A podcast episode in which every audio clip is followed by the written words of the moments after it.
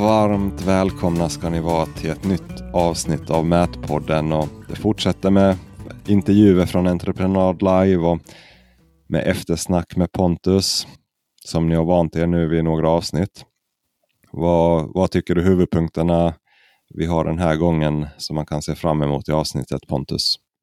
Jo, men vi har lite olika, lite smått och gott. Du har ju pratat med ganska olika eh, människor i detta avsnittet. Så till exempel, hur kan tekniken som finns idag öka säkerheten på byggarbetsplatser? Eller eh, kan ett projekt ha en själ? Det är också intressant. Och ja, vi är väl tillbaka och pratar mycket om maskinstyrning, men det är ju, det är ju bra.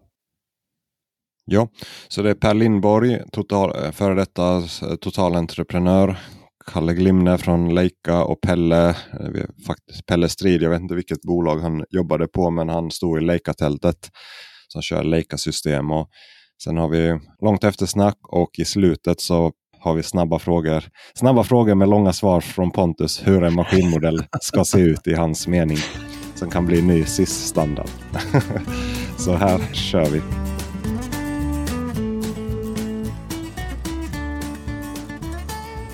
Jag har kommit fram här på dag tre i Entreprenad Live så jag har kommit fram till eh, vem då? Du kan ju presentera dig själv lite. Ja, jag heter Per Lindborg. Eh, har inte alltid sysslat med maskiner men eh, jag gör det idag. Eh, jag har eh, startade 1971 som byggmästare och eh, för sex och ett halvt år sedan överlät jag det stora företaget till mina barn. Och eh, nu sysslar jag med att eh, förse Sverige med teleskoplastare.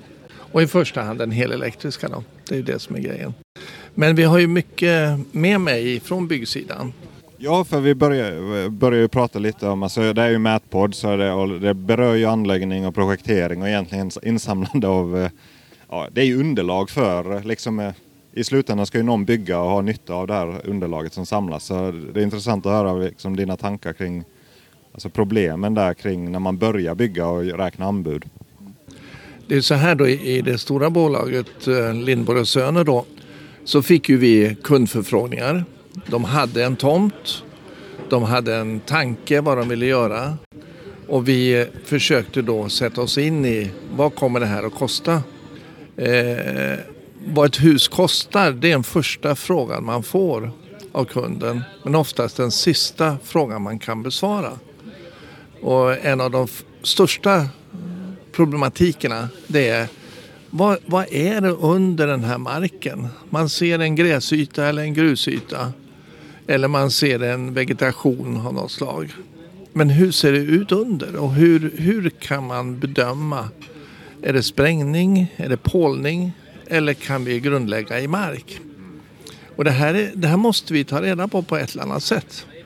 Hur, hur brukade ni göra eller vilka metoder liksom använder ni er traditionellt av? handlar om hur tidigt skede vi är ute. Eh, är det här en ganska lös förfrågan eh, då är det en ganska stor grej att göra en geoteknisk undersökning. Och då ska vi då eh, fråga kunden. Även om vi inte får bygga det här så har du nytta av en geoteknisk undersökning. Och då är frågan, ska vi göra en översiktlig eller ska vi göra en skarp?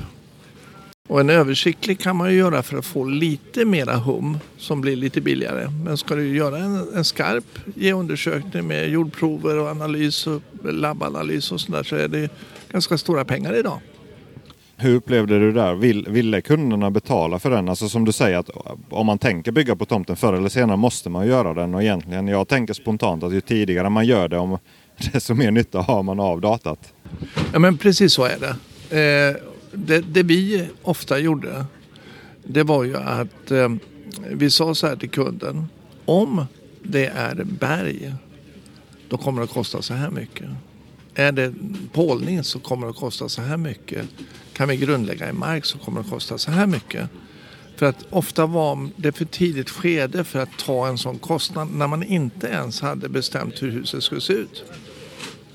Men när man kommer till en geoteknisk undersökning då vill man gärna sätta borrpunkterna där man verkligen behöver dem.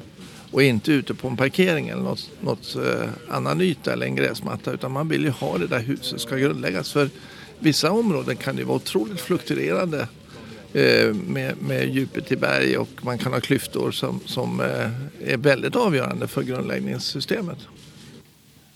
Vi kommer ju att prata på det, här, för jag sa att jag har varit där och pratat om markradar och han, en annan berättelse han berättade där var att de hade just det här att de hade gjort en geoteknisk undersökning på ett projekt. Eh, borrpunkten var 20 meter och då visade de att ja, ja, det finns berg men det kommer, ja, om man inte polerar rakt mellan alla borrpunkterna, det var rätt så många, så kommer inte berget varken i grundläggningen eller i VA-schakten.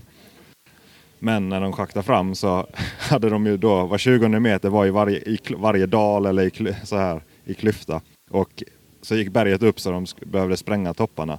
Och det han visade då var att med radarn, markradarn, gick de VA-schaktslinjerna och då kunde de se berget, hur det gick, den profilen. Vad tror du om en sån teknik, om det skulle funka? Eh, jag har ju aldrig haft tillfälle att prova en sån teknik men eh, jag tycker det ska vara helt suveränt.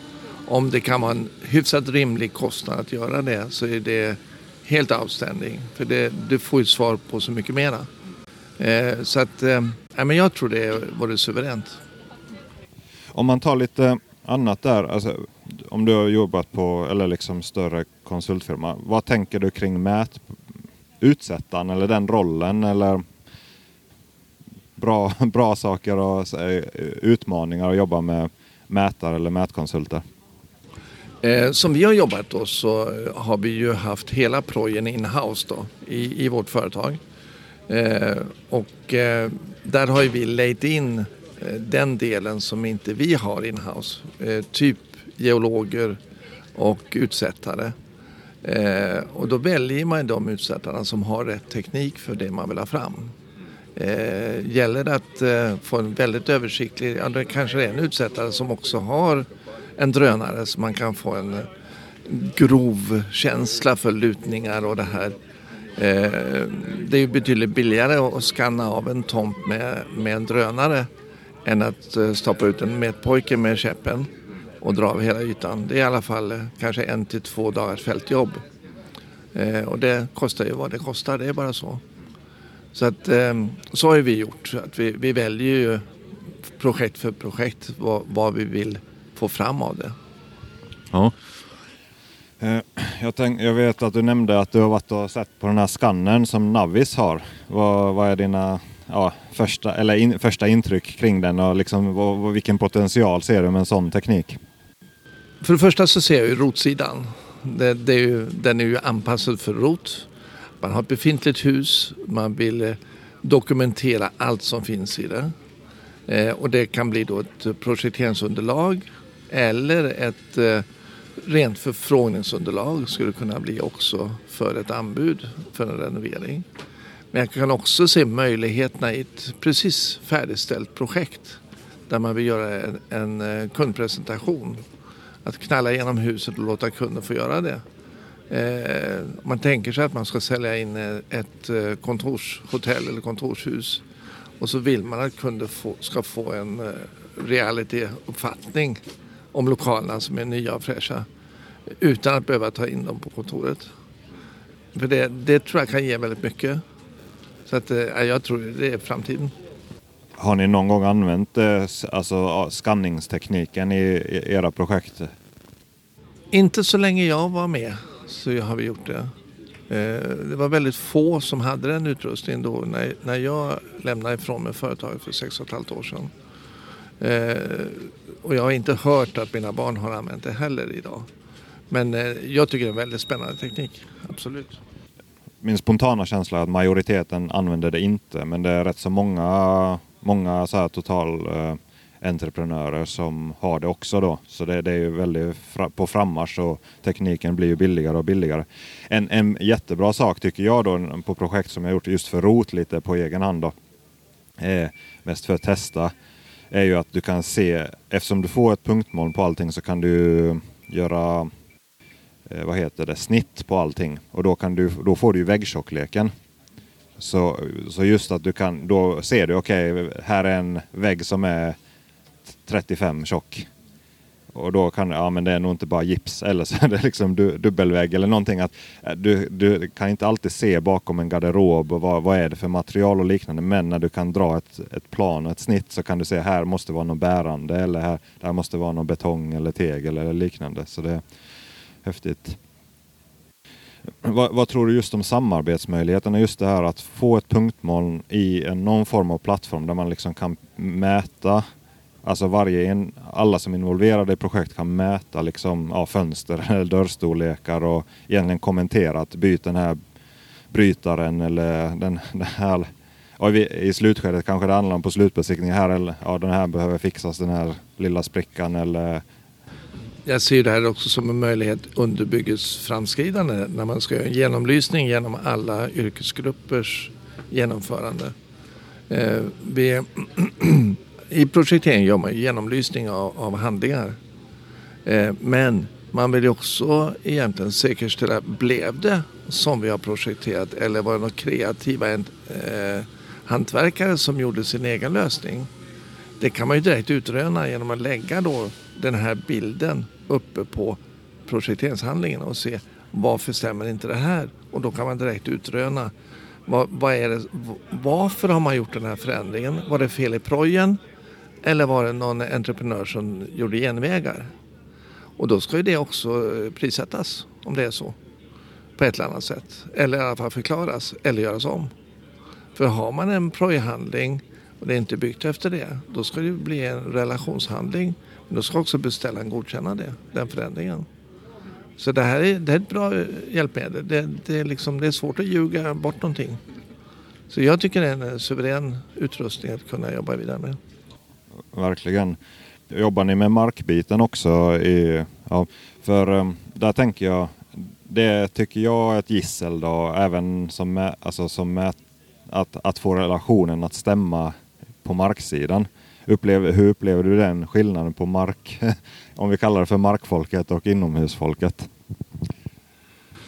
Genomgående kan jag ju säga att man, man gör oftast idag gör man ju en markprojektering för att jobba med GPS-hantering av maskinerna. Och det gör ju att eh, granskningen i projen ställer större krav. För det är ju redan där som du beslutar hur alla fall till brunnar, hur, hur hela, eh, hela projektet ska forma sig. Och det, det, om man ska gå tillbaka 30 år, då gick man ut och tittade, hur blev det? Så, Nej, men justera till det där lite, det vart för brant här, vi gör det. Men så är det ju inte idag. Du, du redan vid terrassen, alltså när du, schakten på markterrassen, bottenterrassen. Det är där du lägger alla skit, Du har rätt tjocklekar på alla ingående material på, på gårdsytan. Eh, och i och med att man använder GPS och schaktar efter så får du på millimetern. Men det kräver att det är en kunnig människa som granskar eh, projekteringshandlingen. Att man har riktigt duktiga markprojekterare. Det ställer vi väldigt höga krav på. Jo, för det blir ju där att du måste ju veta hur det byggs också för att det ska kunna bli en bra projektering. För det, du lämnar ju inget åt slumpen. Och det, det är det som är det viktiga. Och har du då en okunnig eller oerfaren projektör som bara ritar. Det är en katastrof fullständigt. Så att, eh, där ställer vi mycket, mycket stora krav på projektören. Det, det, där känner jag ett allmänt gissel. Alltså för som mätningstekniker vet jag att man fick ju jättemycket filer. Från, alltså eftersom man är involverad i så många projekt så man ser ju väldigt mycket olika projektörer helt enkelt. Och väldigt mycket projektering skulle jag säga efter det jag sett som man fått på mycket från kommunala ramavtal så det blir de här stora drakarna, Covi och Sweco och Afri. Och tycker generellt att då, då, på mindre projekt så blir det ofta en, kalla det för en juniorprojektör, relativt nyutbildad så. Och då, där är riktigt bristfälliga handlingar. Fallen går inte ihop, det är projat på okontrollerat underlag.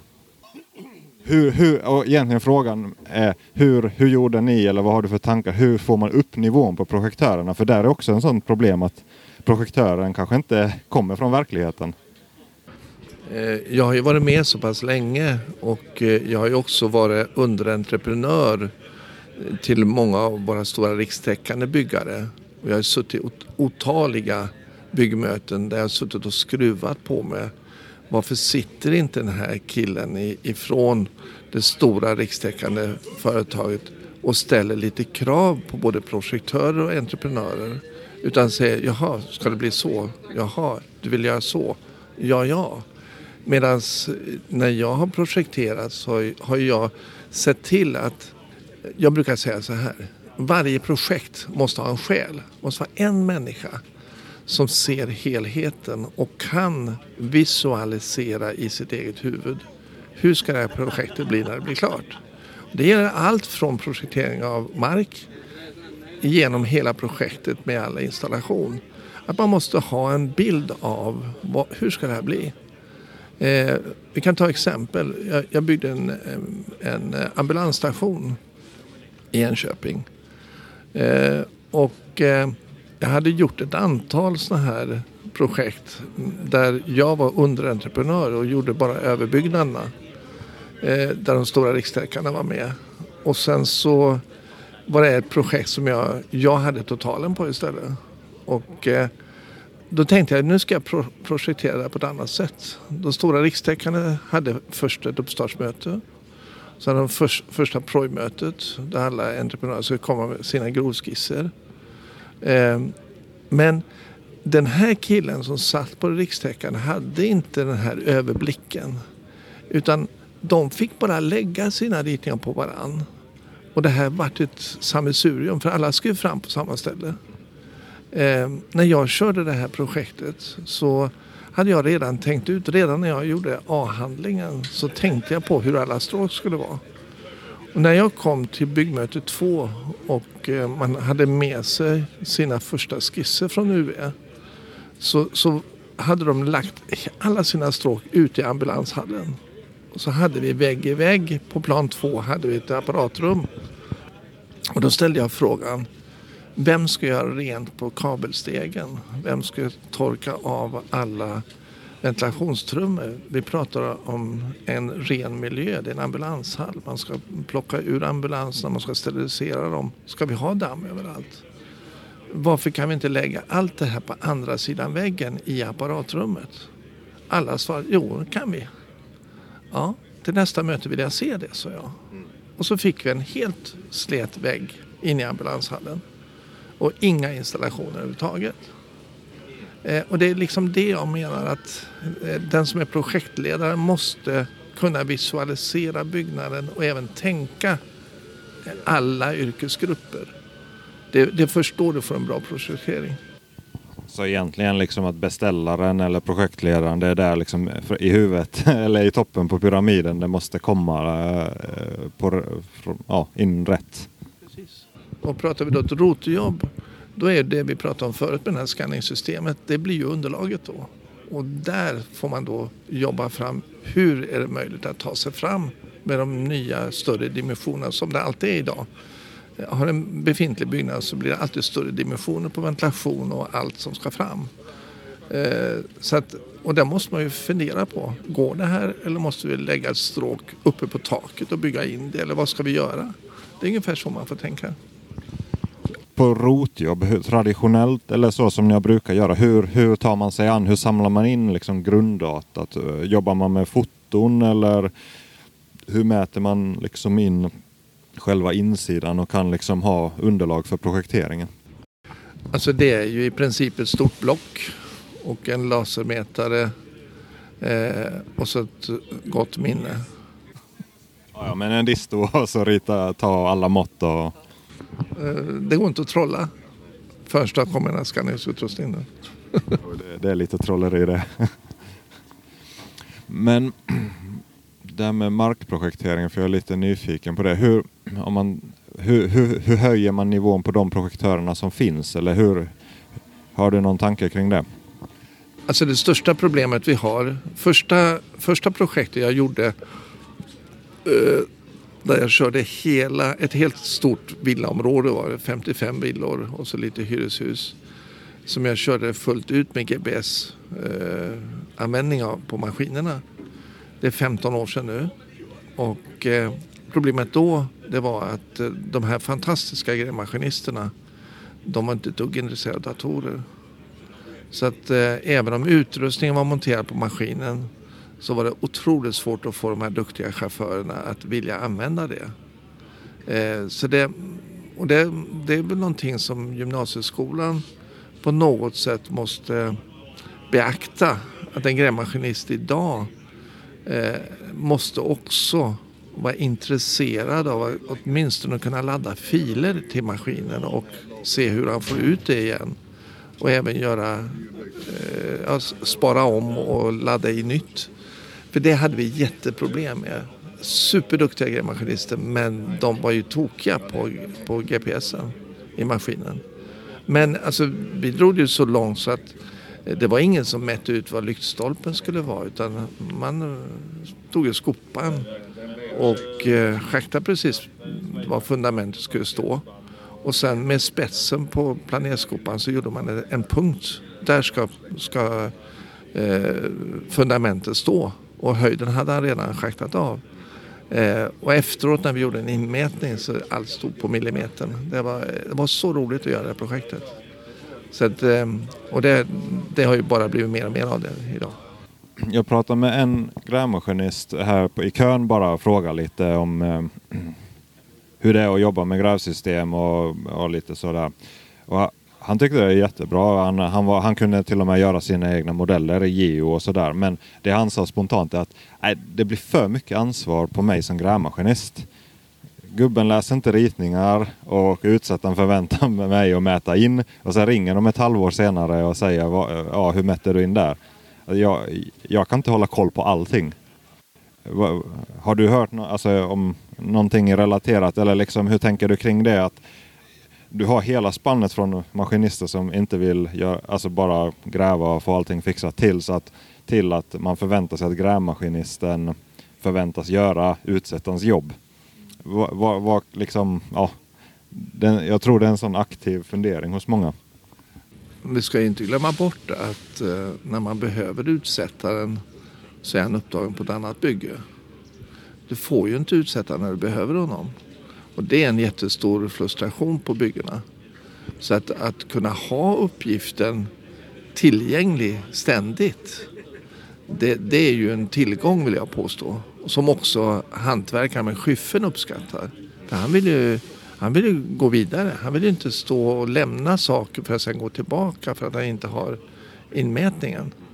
Så att, eh, och det är väldigt dyrt att ha en utsättare två, tre timmar varje dag på bygget. Eh, det är ju kostnadseffektivt att ha det i, i maskinen. Ja, jag håller med där. För, min reflektion här är, jag ser ju att det finns ju, ja, nu har jag inte men eh, i huvudet exakt, men säg att det är fem, sex stycken olika, ja, det finns säkert sju, sju olika ställen här som säljer handburna GPS, alltså kallar det för trollstav eller nätverks-RTK. Och det finns hur många modeller som helst. De billigaste kostar 23 plus moms och till eh, de dyraste 150 för, ja, och allt däremellan. Och det är ju väldigt billigt. Alltså, alltså här, för runt 100 000 säger jag, så får du ett komplett bra system och du kan sätta ut eh, och jag ser ju att många entreprenadfirmor börjar skaffa sig det. Vad tror du om den utvecklingen? Det, när du säger det att det måste väl nästan bli logiskt att ha en GPS så man kan göra enklare utsättning och inmätning själv för att inte få det här stilleståndet och vänta på någon extern part. Ja, men eh, precis som du sa tidigare. Vi måste ha en modell först. Vi måste ha allting ligga. För du har ingen glädje av den där stickan om du inte har en modell som du kan plocka in uppgifterna som du behöver. Då måste ju någon ha lagt in först. Och först där, då kan jag säga ja, då ska den lilla entreprenören även ha en sån här sticka.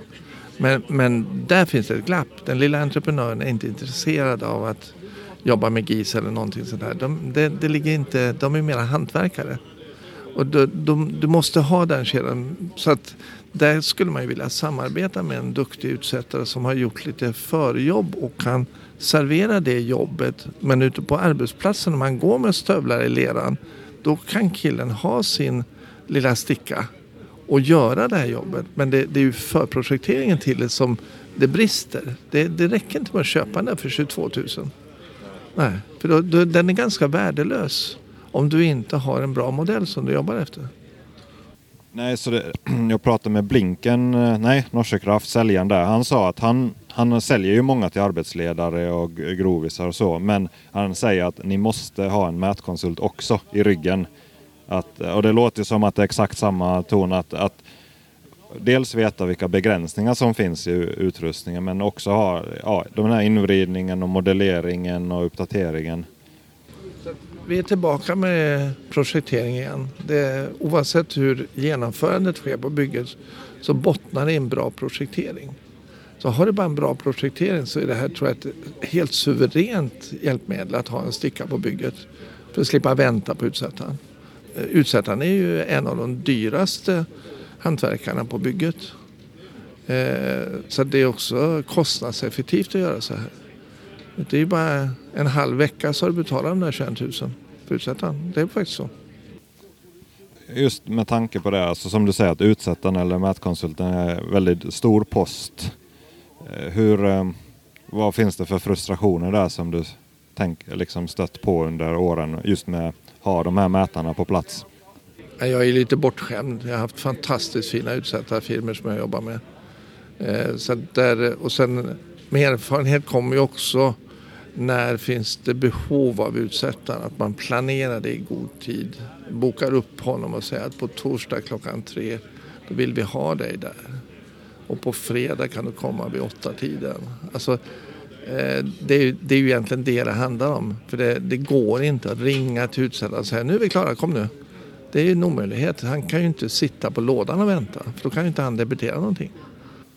Nej, och det där, och det där är sån från utsättarsidan är det en va, otroligt vanlig frustration att det, det, låt, det är inte många firmor skulle jag säga som gör som du i så fall att man bokar upp en vecka i förväg. Att, det finns ju såklart företag men det är mycket brandkårsverksamhet och den här frustrationen att man bokar betongbilen, man betalar, eh, bet, eh, bokar betongpumpen, kranbilen men eh, och sen ringer man i övermorgon så gjuter vi, vi behöver ha svetsplattorna utsatta idag.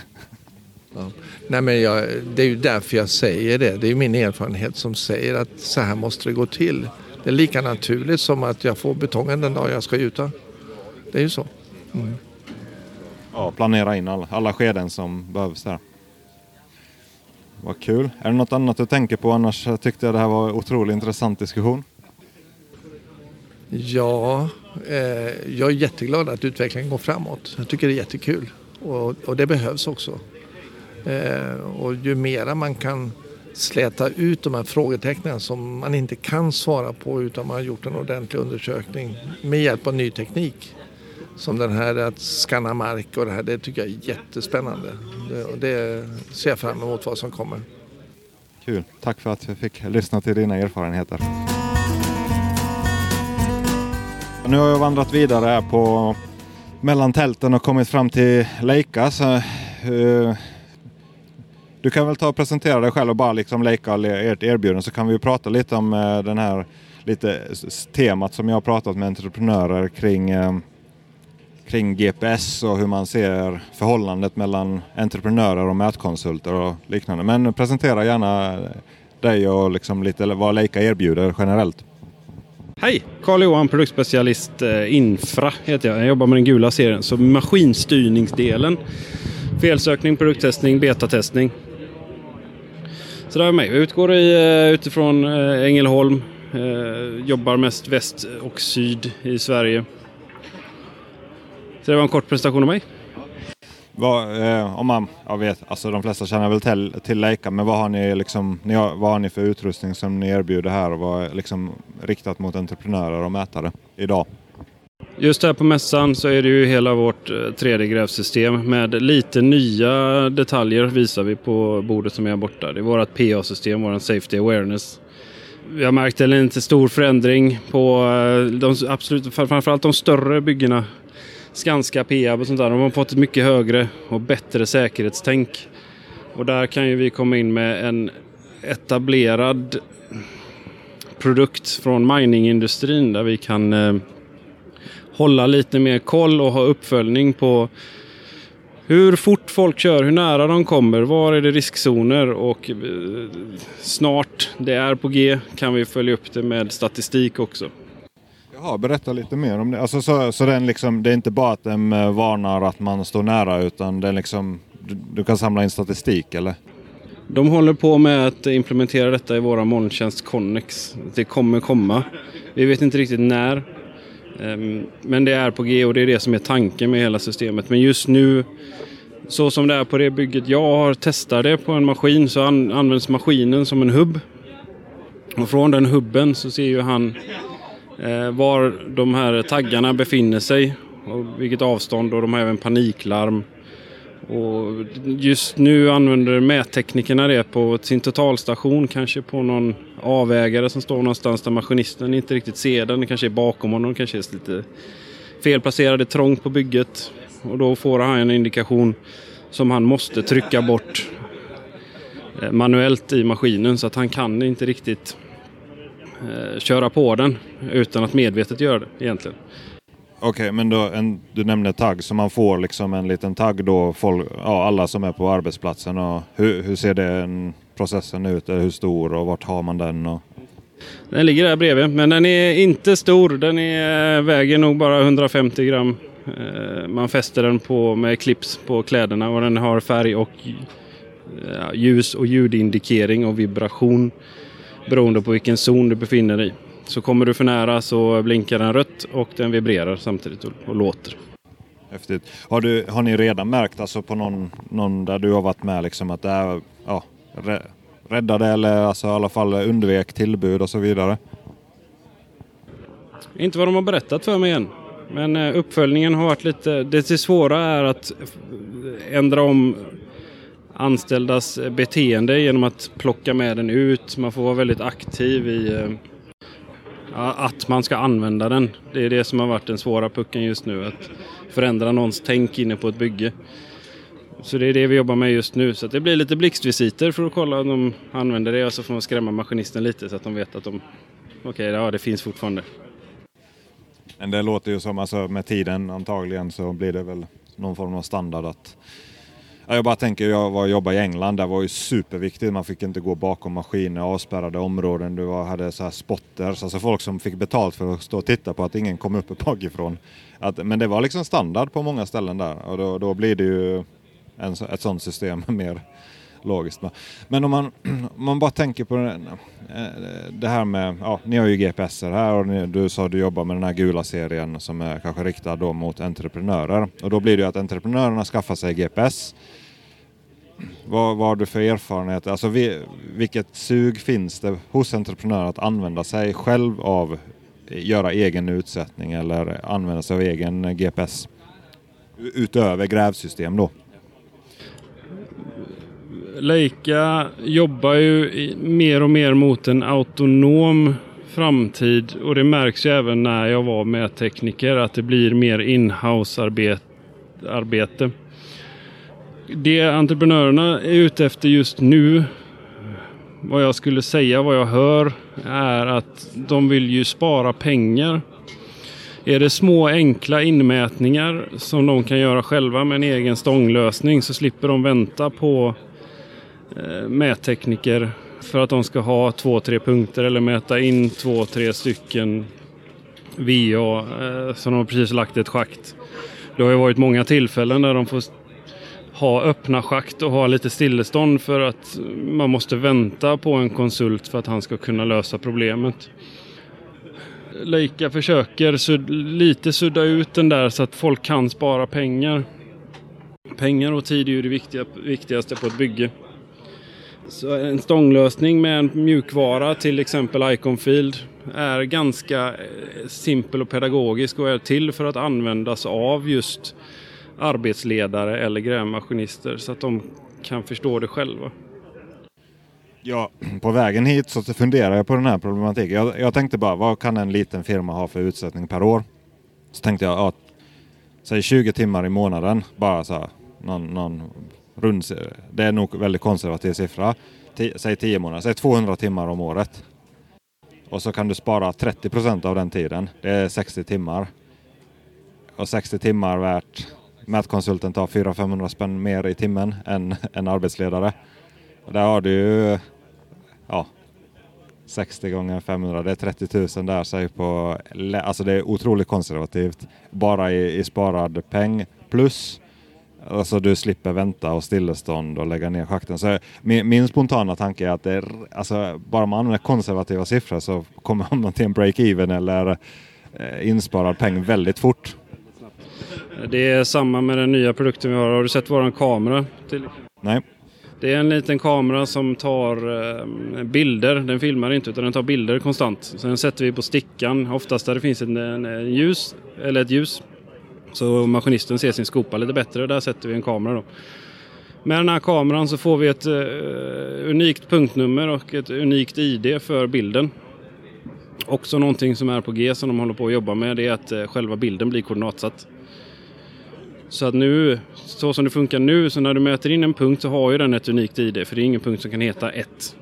Eh, ingen mer punkt som kan heta mer än 1. För då heter eh, och så heter punkten 2 och så vidare, eller vad det nu ska heta. Men de har alltid ett unikt ID, så när du tar mätpunkten med skopan så får du även en bild som har samma unika ID. Så då kan du med den här, nu kommer jag inte ihåg vad den appen heter, men som du kan du kan lägga in geofiler så att du kan liksom följa med telefonen och bara, okay, ja, så här såg det ut där de byggde för. Smart Dirt som SPG har eller? Den till exempel. Så då kan du ju ta den här bilden och du kan ta ditt eh, XYZ-koordinat och så kan du se hur så här ser det ut när han la ner schaktet. Tänk dig det, den de timmarna man sparar på att på redovisa sen. För som gammal mättekniker så har ju vi massor av tillfällen för att åka tillbaka till ett bygge. Hur, vad har ni gjort här? Ja, men vi la ner en extra servis här för att det var... Jaha, var ligger den då? Ja, det är någonstans här. Inom den här fyra meters radien. Det var ett halvår sedan de la ner den. Så när man ska skicka in relationshandlingen sen så har det har varit lite mycket gissningar, tror jag. Vi vet att det har varit mycket gissningar. Bland, alltså, ja, all, det är gissel. Mäta in på ytan, bara sänka den, schablon, eh, vad som helst. Alltså, det finns mycket. Okej, okay, så, så, så det är en lösning idag att man när man mäter in mätpunkten med grävmaskinen, man får en bild och då kan man ju såklart kny, knyta ihop allting. Men så ni jobbar på även eh, på något sätt, alltså ja, fotogrammetri eller någon form av koordinatsättning, att man kan liksom plocka ut en höjd. Nice. Eh, tanken är det. Uh, jag vet inte hur långt de har kommit, jag kan inte stå här och lova saker, men eh, eh, tanken är att det ska funka så, ja. Ja, nej, men alltså det är ju en rätt så logisk utveckling. Om man nu tänker att du har eh, den där, vad heter en GS18i, som, den har ju en kamera och fotogrammetri är väl, har, om du sätter två kameror så kan du definitivt skapa, skapa en punkt. Så det, det låter ju bara, idén är ju grym då. Men, men om man tänker sig det mer stillestånd, vad har du, hör du från kunderna då? Alltså när, när de väl börjar använda en GPS, finns det liksom problem de stöter på eller vad säger de att det är, alltså, det måste väl finnas bra delar, så, saker de upptäcker, det här var ju skitbra, det här var, måste vara lite sämre för oss. Eller oväntade problem som de inte tänkte på när de köpte den. Jag skulle säga att det handlar om en utbildningsfråga. Det handlar lite om ett engagemang också. När man köper en produkt så måste man ju egentligen ha lite intresse av den för att man ska kunna lära sig för att ställa relevanta frågor. Och där har vi ju supporten där vi får möta eh, sådana här små utbildningssaker, hur man mäter in eh, och beräknar volymer, för det kan vi göra i vår nya GPS. Eh, den har varit, den, just den funktionen, den appen i Iconfil har ju varit, en, eh, har varit guld för många. Den är hyfsat ja, enkel att använda men då måste också intresset finnas. Ehm, Beskriv bara funktionaliteten ungefärligt så man förstår. Hur, alltså, hur, hur tar man fram en volym på, på, i sin enhet? Ja, just det, Icon Field. Du gör en avgränsningslinje så du ringar in den eh, högen då, eller upplaget. Och den mäter du toppar och dalar och så, mät, så med de här avgränsningslinjerna så beräknar den volymen direkt från, eh, från appen. Så när du är klar så exporterar du inmätningen eh, så det blir en volymrapport och den volymrapporten gör du helt enkelt om till en pdf direkt i våran mjukvara. Och där har du all information du någonsin skulle kunna behöva. Då, X, Y, Z, vilken stånghöjd, vilken noggrannhet du har kört på och så är, blir den även som när du gör en terrängmodell i Geo. Att den blir färglagd. Ehm, så att det är väldigt lätt att se toppar och dalar och hur den ser ut i verkligheten. Ehm, och det här gör man på kanske 3-4 minuter istället för att exportera datan till Geo, gå in i Geo och sätta sig. Och då behöver du kunskap i Geo också. Och ha licensen för Geo. Och ha licensen för Geo som inte är helt gratis. Så det är ju inte... Mm. Det här ingår ju i köpet av våra produkter på just Iconfil. Så att Iconfil är min, jag skulle säga att det är min lilla bebis. För jag har märkt, Leica gav mig den chansen innan jag började på bolaget att jag fick låna Iconfilen GPS 70 med tiltfunktionen. Eh, för att använda ute på projektet jag var då i några månader innan jag började. Och det tog mig två timmar ungefär innan jag var självgående. Men då har jag också intresset av att lära mig. Men jag sparade alltså halvdagar på att bara göra den här volymberäkningen direkt i plattan och sen få ut all information som var relevant. Ja, för det är ju sant. Alltså, som mättekniker, du hade ju Geo då och du kunde göra det programvara ändå. Men att, då måste man åka till kontoret, sätta sig, göra modellen, göra den rapporten, skicka den. Och ofta står ju ändå någon och väntar på den som har frågat efter volymen. Vill väl ha den så fort som möjligt. Och, och, det tar ju tid. Alltså jag bara tänker, nu jag freestylar eh, med mina tankar här då. Men jag tänker, alltså flera gånger alltså, mätkonsult så blir det sådana uppdrag. Kan ni volymberäkna den här högen? För vi behöver för ett möte eller för vi planerar nästa månads eh, dumperkörning och så vidare. Hur många dumprar behöver vi då? Och då är det ju, då behöver man, ja, man åker dit, man mäter in högen eller högarna, ja, och åker hem, gör en rapport. Alltså det är fort en halvdag du debiterar. Det, det är liksom lägre än så kanske du inte ens debiterar. Om det inte är bakom hörnet då.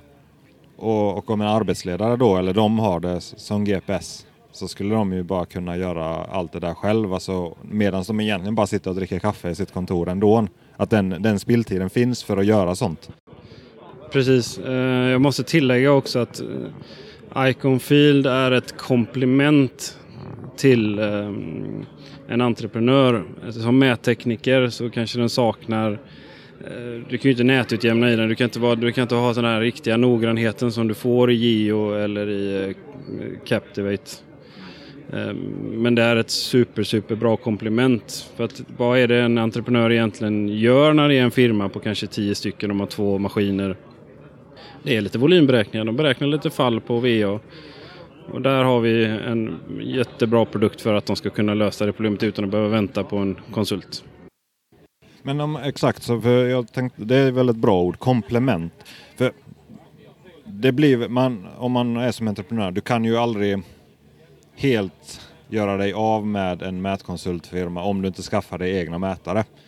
Att det måste ju bli något samarbete. Vad tänker du kring det samarbetet? För det, det blir ju ett komplement att du kan göra en del saker själv men har du märkt någonting på de du har pratat med eller de supportfrågorna du får? Att hur, hur går det samarbetet med mätkonsulterna?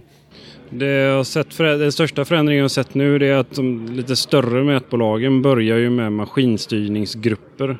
Så de börjar anställa folk som enbart bygger terrängmodeller och gör relationshandlingar. Och där är det många som, som använder den tjänsten istället och alltså det är ju en kul del i mätteknik också. Att det, blir liksom, det blir 80 inne och 20 ute. Förut var det 80 ute och 20 inne för man bara skulle samla ihop datan. Men det börjar ju skifta. Men där märker det absolut största. De anlitar för att kunna få rätt modeller och de har någon som bekräftar och kan, eh, ja vad ska man säga, som har den kollen som behövs för att lämna in en relationshandling till en kommun så att de liksom sammanställer och gör klart allting så att de har rätt modeller från början. Maskinisten kan komplettera med vår utrustning, kameran och så vidare så att det blir mycket lättare för mätteknikern att sitta och samla ihop all information sen. Så är det bara en liten, liten driven maskinist som kodar punkterna rätt så har han sparat dagar i eh, konsultens eh, ögon. Men de har ju fortfarande jobb kvar, självklart. För det behövs ju fortfarande folk som sammanställer datan och gör den helt rätt. Så att det blir enligt AMAS alla regler och eh, vad nu som krävs. För det är väl så att ändå eftersom det finns, det måste ju vara en brist på mätningstekniker i landet som det utbildas massa nya och alla, alla anställer. Så att det måste väl egentligen bara vara positivt att man kan få den här lilla uppdelningen, att man, man använder kompetenserna på bäst sätt. Att, att eh, det är enklare, alltså köra, köra till ett jobb, mäta in en begränsningslinje och några höjdpunkter. Det, ja, att man behöver inte göra det utan då använder man den kompetensen man har. Att det handlar igen kanske om att man blir lite mer specialiserad och mer, tillför mer värde. Precis och som mättekniker vet så det tar ju inte en kvart att sätta sig in i ett nytt bygge när du kommer ut och bara ska mäta in lite saker. Det tar ju någon dag innan du vet vilka ska du prata med, vad, hur ser bygget ut? Du har ju inte kunnat orientera dig än.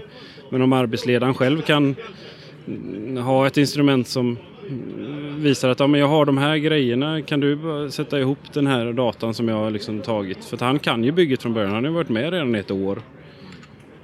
Det är som sagt ett jättebra komplement. Och det börjar bli mer och mer sånt där och de börjar mer och mer fråga efter det. Och jag, det ingår lite i min roll också att åka och utbilda i de här produkterna och vad just Leica kan göra för branschen. Så att bara för tre veckor sedan så var jag på Plushögskolan i Göteborg och utbildade blivande mättekniker och där tyckte jag det var världens roligaste chans som jag har suttit på bägge sidor som mättekniker och nu på Leica att kunna påverka blivande mättekniker eh, så att de försöker att radera. Så de, så de köper Leica? Bland annat det, så att de blir bekväma med produkterna så att de känner igen det när de kommer ut. Men sen också att kunna radera de här misstagen som man själv gjorde när man var ny. Så här, har du, framförallt prata modellhantering. Tycker, tycker jag är väldigt spännande, väldigt roligt. Jag bara skämtar, men, det, nej, men, det, men det, det, det, är jättebra för att det blir den här verklighetskopplingen så att man får nytta av den utbildningen. Jag tänkte det var jätteintressant att du märkte att det bildas maskinstyrningsgrupper. För jag pratade med Digitize där borta. Jag vet inte om du pratade med dem någon gång. Men de, de är, vad sa de, att de är sju anställda och så har de lite inhyrda och så. Men de har gjort en skarp uppdelning på fältpersonal och på modelleringspersonal. För att jag tycker det är en jätterimlig Uppdelningen, Alltså som en mätare med totalstation, GPS, en bil och lite kringutrustning. Det är en miljon som man behöver ha i kapital för det. Och om han då ska göra maskinmodeller en dag, eller två, två tre dagar, då sitter ju den utrustningen bara på parkeringen och väntar, tickar pengar. Och, och man blir också lite som en traktorgrävare. Eh, man, negativt uttryck dålig på allt och positivt uttryck bra, eh, halvbra på allt.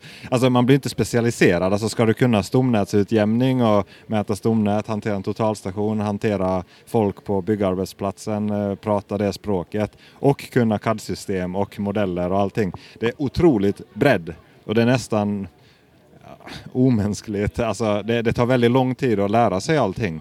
Och sen har du inte tillgängligheten också. För eh, om du är utsättare i fält du, du, har, du är ute i skogen eller eh, du är på en arbetsplats och så ringer någon. Ja, det är något krångel med modellen eller det har kommit revidering. När kan du fixa det? Så då, då blir det ju ett problem och då får inte entreprenören den servicen de vill ha. Så de, de har sagt att vi har personal som bara gör modeller.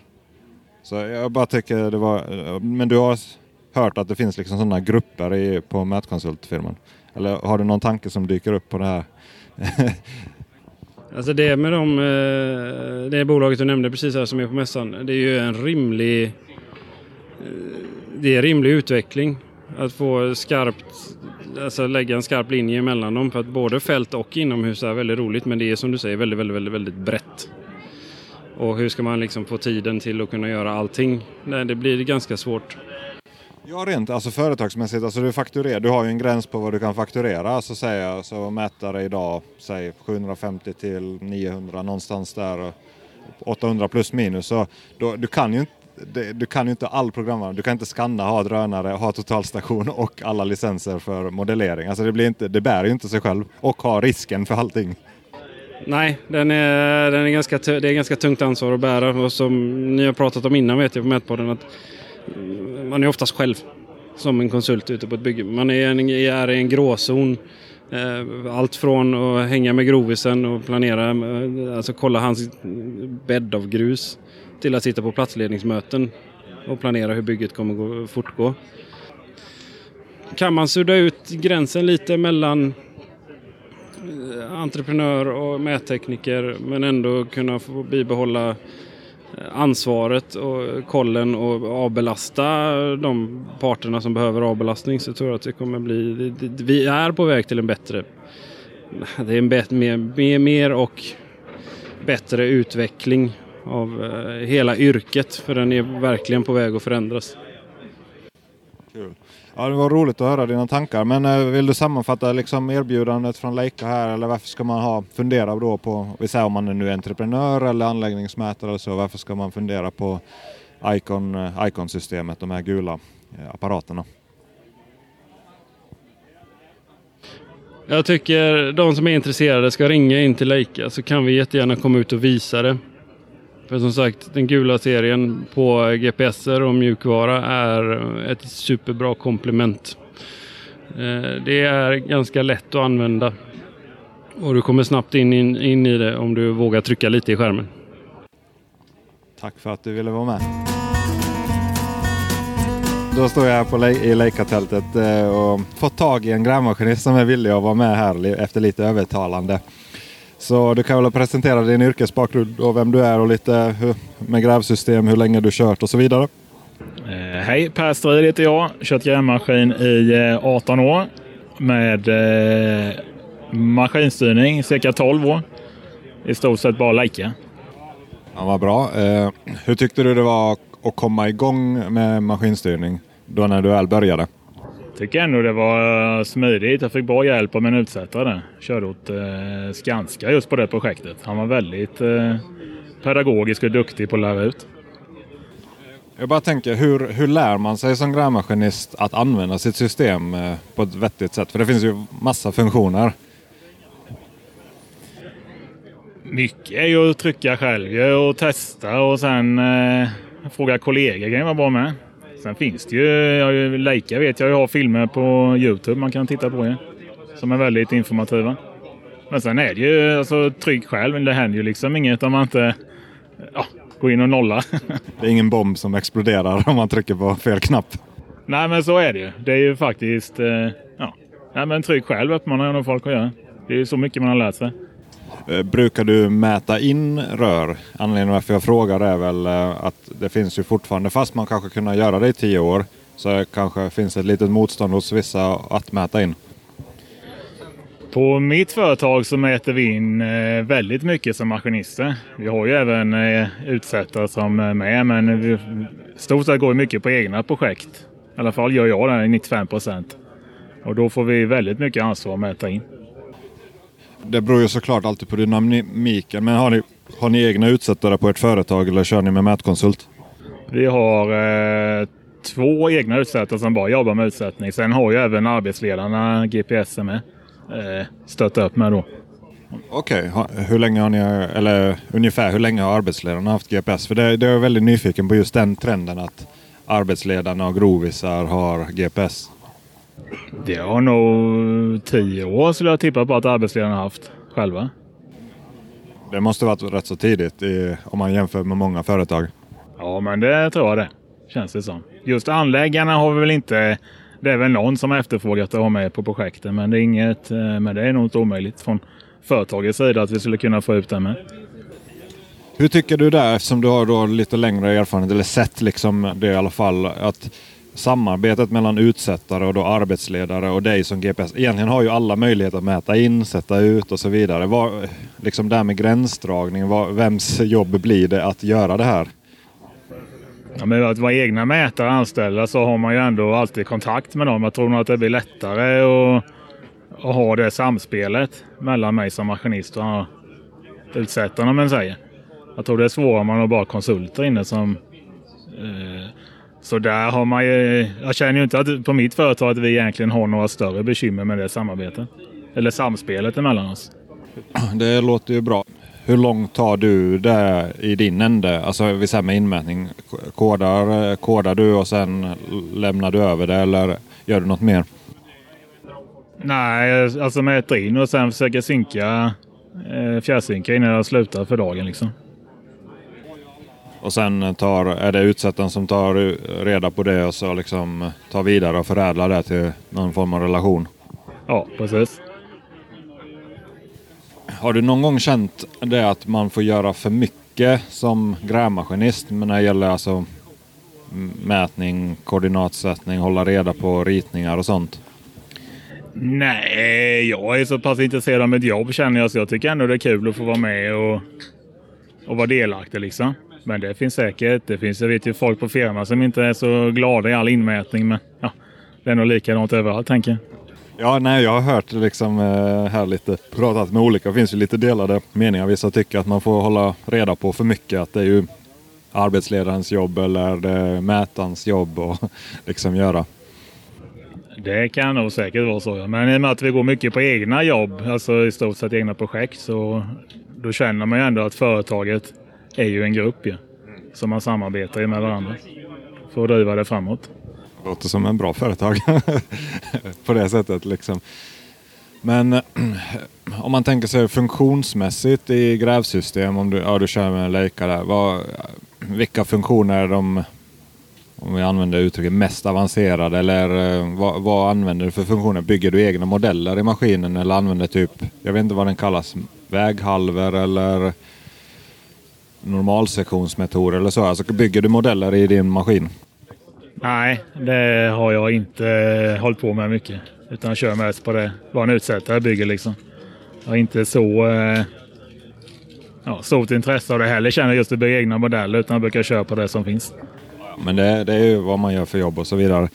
Va, vad tycker du är en bra hur ska en bra schaktmodell se ut? Alltså om man nu tänker sig att du ska göra en grund eller jag vet inte om du gör det. Men om vi säger en grund och så, så ska du ha något fundament eller grejer och så. Vad är liksom saker som hur, hur, vill man ha det? Eller liksom, hur tycker du det ska heta? Och med frischakt och ska det vara överkant makadam, underkant makadam? Vad har du för tankar kring det? Helst vill man ju ha överkant makadam känner jag. Men det är bara att det då är vet du, förmedlat från utsättaren vad det är han har gjort. Och sen eh, ja, frischakt. Ja, men bara så man vet vad det är utsättaren har gjort egentligen. Eh, och det är ju det är väl det som är det viktiga känner jag. Sen eh, vår utsättare är duktig på att bygga modeller så jag känner inte att jag har så mycket att anmärka på på hans arbete. Men... Ja, det låter bra. Så, så nyckeln är alltså ja, veta vad, vad det är. Ja, just det. Ja, men samspelet mellan vad, vad utsättarna eller modellat och vad man liksom får ut i maskinen. Så man vet vad det är man, vad man eh, kör efter.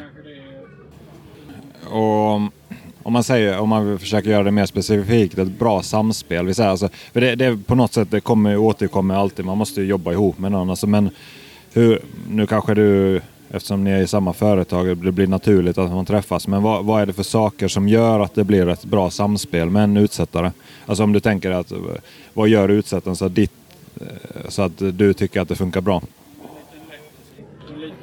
men att han gör klara och tydliga modeller och förmedlar vad det är han har eh, gjort i modellen och att vi ja, men är på samma nivå liksom. Att förklara. Hur brukar ni hantera revisioner till exempel? Ja, det kommer nya ritningar, vi behöver ändra modellen. Då är det ju sinkning och sen, eh, ja, han brukar oftast ringa om det är något. Eller så ser man ju att han går in och ändrar. Hur funkar det i Leica-systemet? Ser man att det har blivit ändrat eller bygger det ändå att man, ja, man kanske får nytt datum såklart. Men alltså ser man eh, Måste man ringa alltid? Och vad tycker du om det? Att om man har gjort ändringar, ska man kommunicera ut det till maskinisten? Ja, men det tycker jag man bör göra. Att det är, att det är en ändring gjord. Eh, det vill jag gärna veta. Ja, det, det låter ju rimligt. Eh, nej, men vad, vad, händer om man inte gör det? Alltså, vi säger de gångerna det har hänt. Då. Liksom, vad, vad, för jag tänker som mätkonsult är det mycket enklare. Alltså, att det blir så. När man inte känner kanske alla maskinister. Man bara, ja, ja jag uppdaterar det och så blir det så.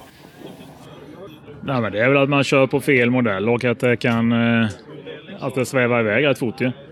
Det kan ju hända rätt mycket på en halv dags arbete om man sitter och schaktar och så vidare. Om det inte är... Eh, om man inte på rätt modell. Ja, för det är ju inte givet att man ser alltid att det är ändrat. Nej, inte det. Nu kör jag med Icon 3D och det är ju inte jag ser ju inte att han har ändrat förrän man verkligen går in och kollar siffrorna bakom. Eller så. En sak som jag funderat på är det här med fjär, när, när det finns ju fjärrsynk. De flesta system har ju fjärrsynk idag då. Innan när man körde med USB-sticka så fick man ju åka ut till bygge och prata med maskinisten. Men idag är det ju så lätt att det bara blir telefonkontakt. Kan det bli en brist? Liksom? I och för sig nu, nu har ni egna utsättare, men alltså, vad tror du? Finns det någon risk i det? Att man liksom får en distans mellan utsättaren och maskinisten? Det tror jag det kan bli. Det är väl så med alla yrkesgrupper egentligen. Att det är ju alltid lättare att hålla en kontakt öga mot öga liksom. Känner jag. Sen är det ju ett smidigt... Eh, det är väldigt smidigt att kunna fjärrsynka men man kan ju sakna det som du säger med USB-stickan lite mer. Och ändå kunna prata. Man kanske kunde fått med lite pappersritningar för det vill jag, jag brukar ändå vilja ha med. Ändå och alltid ha det som backup man kan kolla lite på ju. Ja Ja exakt, så du, du gillar att ha eh, pappersritningar. Hur, hur, brukar du, hur jobbar du liksom? Vad är ditt, hur jobbar du med pappersritningar mot modell? Det är nog man kan dubbelkolla lite med pappersritningen. Sen har ju min anläggare med mig. Han brukar också vilja hålla lite koll på den. Så inte han är helt eh, i blindo. Han har ju inte en aning om annars vad jag, är, vad jag gör med sig. Nej, exakt. De pappersritningarna, tänk, eh, är det ritningar, om, alltså vad ska vi kalla dem, officiella ritningar, bygghandlingarna eller vill du ha en särskild ritning över vad den modellen som du har, alltså någon, någon form av redovisning av den modellen? Ja, men jag brukar vilja ha bygghandlingen om man säger. Inget så modellspecifikt brukar inte jag vilja ha utan det är övergripande liksom. När du säger anläggaren, han har ingen koll. Det är också, väl också en trend att eftersom mycket finns i maskinen att han blir mer en stängselflyttare. Och, nej men alltså att hans alltså som om man tänker traditionellt, så i alla fall när jag började som anläggare då. Då hade man, det var jag som gick med ritningarna och eh, satte ut med lasern, höjde och fluktade, sprayade, sa åt maskinisten hur man jobbar eller liksom gräv här. Och, men idag om man tittar på en arbetsplats så blir det ofta an, lätt att anläggaren blir mer passiv. Att går på grävmaskinistens eh, dansar efter hans pipa då. Eh, hur tänker du kring den utvecklingen eller är det någonting du har märkt av? Man kanske var lite elakt att säga att han inte har koll för min anläggare är jätteduktig. Men det är mer att han vet ju inte vad jag, vad jag är någonstans på bygget. Men man, man har ju inga, man har inga stakkäppar eller någonting idag att köra efter. Så det, det var nog mer så jag menade. Men jag tycker eh, eh, samspel även där eh, efterfrågar jag. Det är ju så, jobbar man ihop länge med en kille så till slut funkar det ju. Han vet ju vad jag gör och jag vet ju vad han gör. Nej, det är ett härligt samspel alltså när man har en gubbe och maskinist som när man jobbar. Det, det blir väldigt kul. Det blir som en dans liksom när man känner varandras sätt att jobba. Eh, men, men där att maskin, eller anläggaren eller gubben inte vet var man finner sig. Har, har ni någon teknik som för att göra att han kan se typ modellen? Alltså antingen telefonen, AR, GPS. Alltså, hur, har han någon möjlighet att se modellen? Eh, vi börjar ju få mer i telefonerna. Och sen eh, kör vi nog fortfarande jag och min anläggare med pappersritning liksom. Jag håller koll. Laminerad ritning och veta vart man är. Men har ni börjat testa någonting i telefonerna? Ja, det börjar komma lite. Eh, SkyMap tror jag det de kör med va? Ja, det är ju ett system. Okej, okay, ni, ni testar med SkyMap eller? Kör ju mycket från eh, arbetsledarnas sida. Kör ju med den med. Eh, inte så insatt just det i och med att vi... Ja, jag har ju grävsystemet än så länge att titta på mig. Du har ju all data. Ja, jag har ju det. Men jag bara tänker, där är ju intressant om anläggaren, jag vet inte, det beror på hur intresserad man är. Men visst kan man i SkyMap, eh, där kan man väl ha obegränsade deltagare tror jag om man har som projektlicens. Att då kan man ju han till exempel se och vrida i modellen. Skulle jag, eh, det tror jag. Jag har haft någon demo bara. Har du, jag bara tänker, det här är mer en vidare tanke. Jag vet inte, har du sett där på Trimble ställt den här Sight Vision? Eller hört talas om vad det är? Nej, dålig koll på det. Okej, okay, jag kan bara beskriva det. Det hade varit intressant att höra vad du tänker om det. Men det, det är som en typ en, man håller en, eh, den en hållare för ens egen mobiltelefon. Och så är det en liten eh, rover, GPS-puck där. Det är egentligen en app i telefonen som gör att du ser modellen genom kameran. Alltså den överlägger i, i kameravyn eller bilden eh, själva modellen. Och då kan du eh, Ja, det, och den blir ju äkta georefererad eftersom du har nätverks-RTK i den. Så du kan ju se till exempel en slänt eller fundament eller vad som helst och så kan du liksom antingen göra den genomskinlig eller inte. Och du kan också göra ett tvärsnitt och flytta liksom planen. Jag bara tänker så, att man kan ha som en slänt till exempel, så ett på två slänt så, så kan du liksom slicea. Okej, okay, här jag står nu där framför, där är ju tre meter fylle. Det är en väldigt häftig, eh, om du inte har sett det så bara gå dit och de demar ju den. Men vad, vad, tror du att om en anläggare, alltså, alltså gubben eller arbetsledaren kan ha en sån funktionalitet? Ja, men det tror jag skulle underlätta mycket. Det, det är väl framtiden tänker jag att det kommer bli mer och mer sånt här. Ja, alltså det är spontant så tänker jag det är en väldigt, alltså, och den kommer ju den kostar vad sa, 6, ja, 60 och så är det säkert några abonnemang och sånt. Men det kommer väl komma ner i pris och hela tiden. Har du något annat du tänker på det här relaterat? Annars jag, jag tyckte det var, var väldigt intressant att höra dina tankar om grävmaskinsmodeller.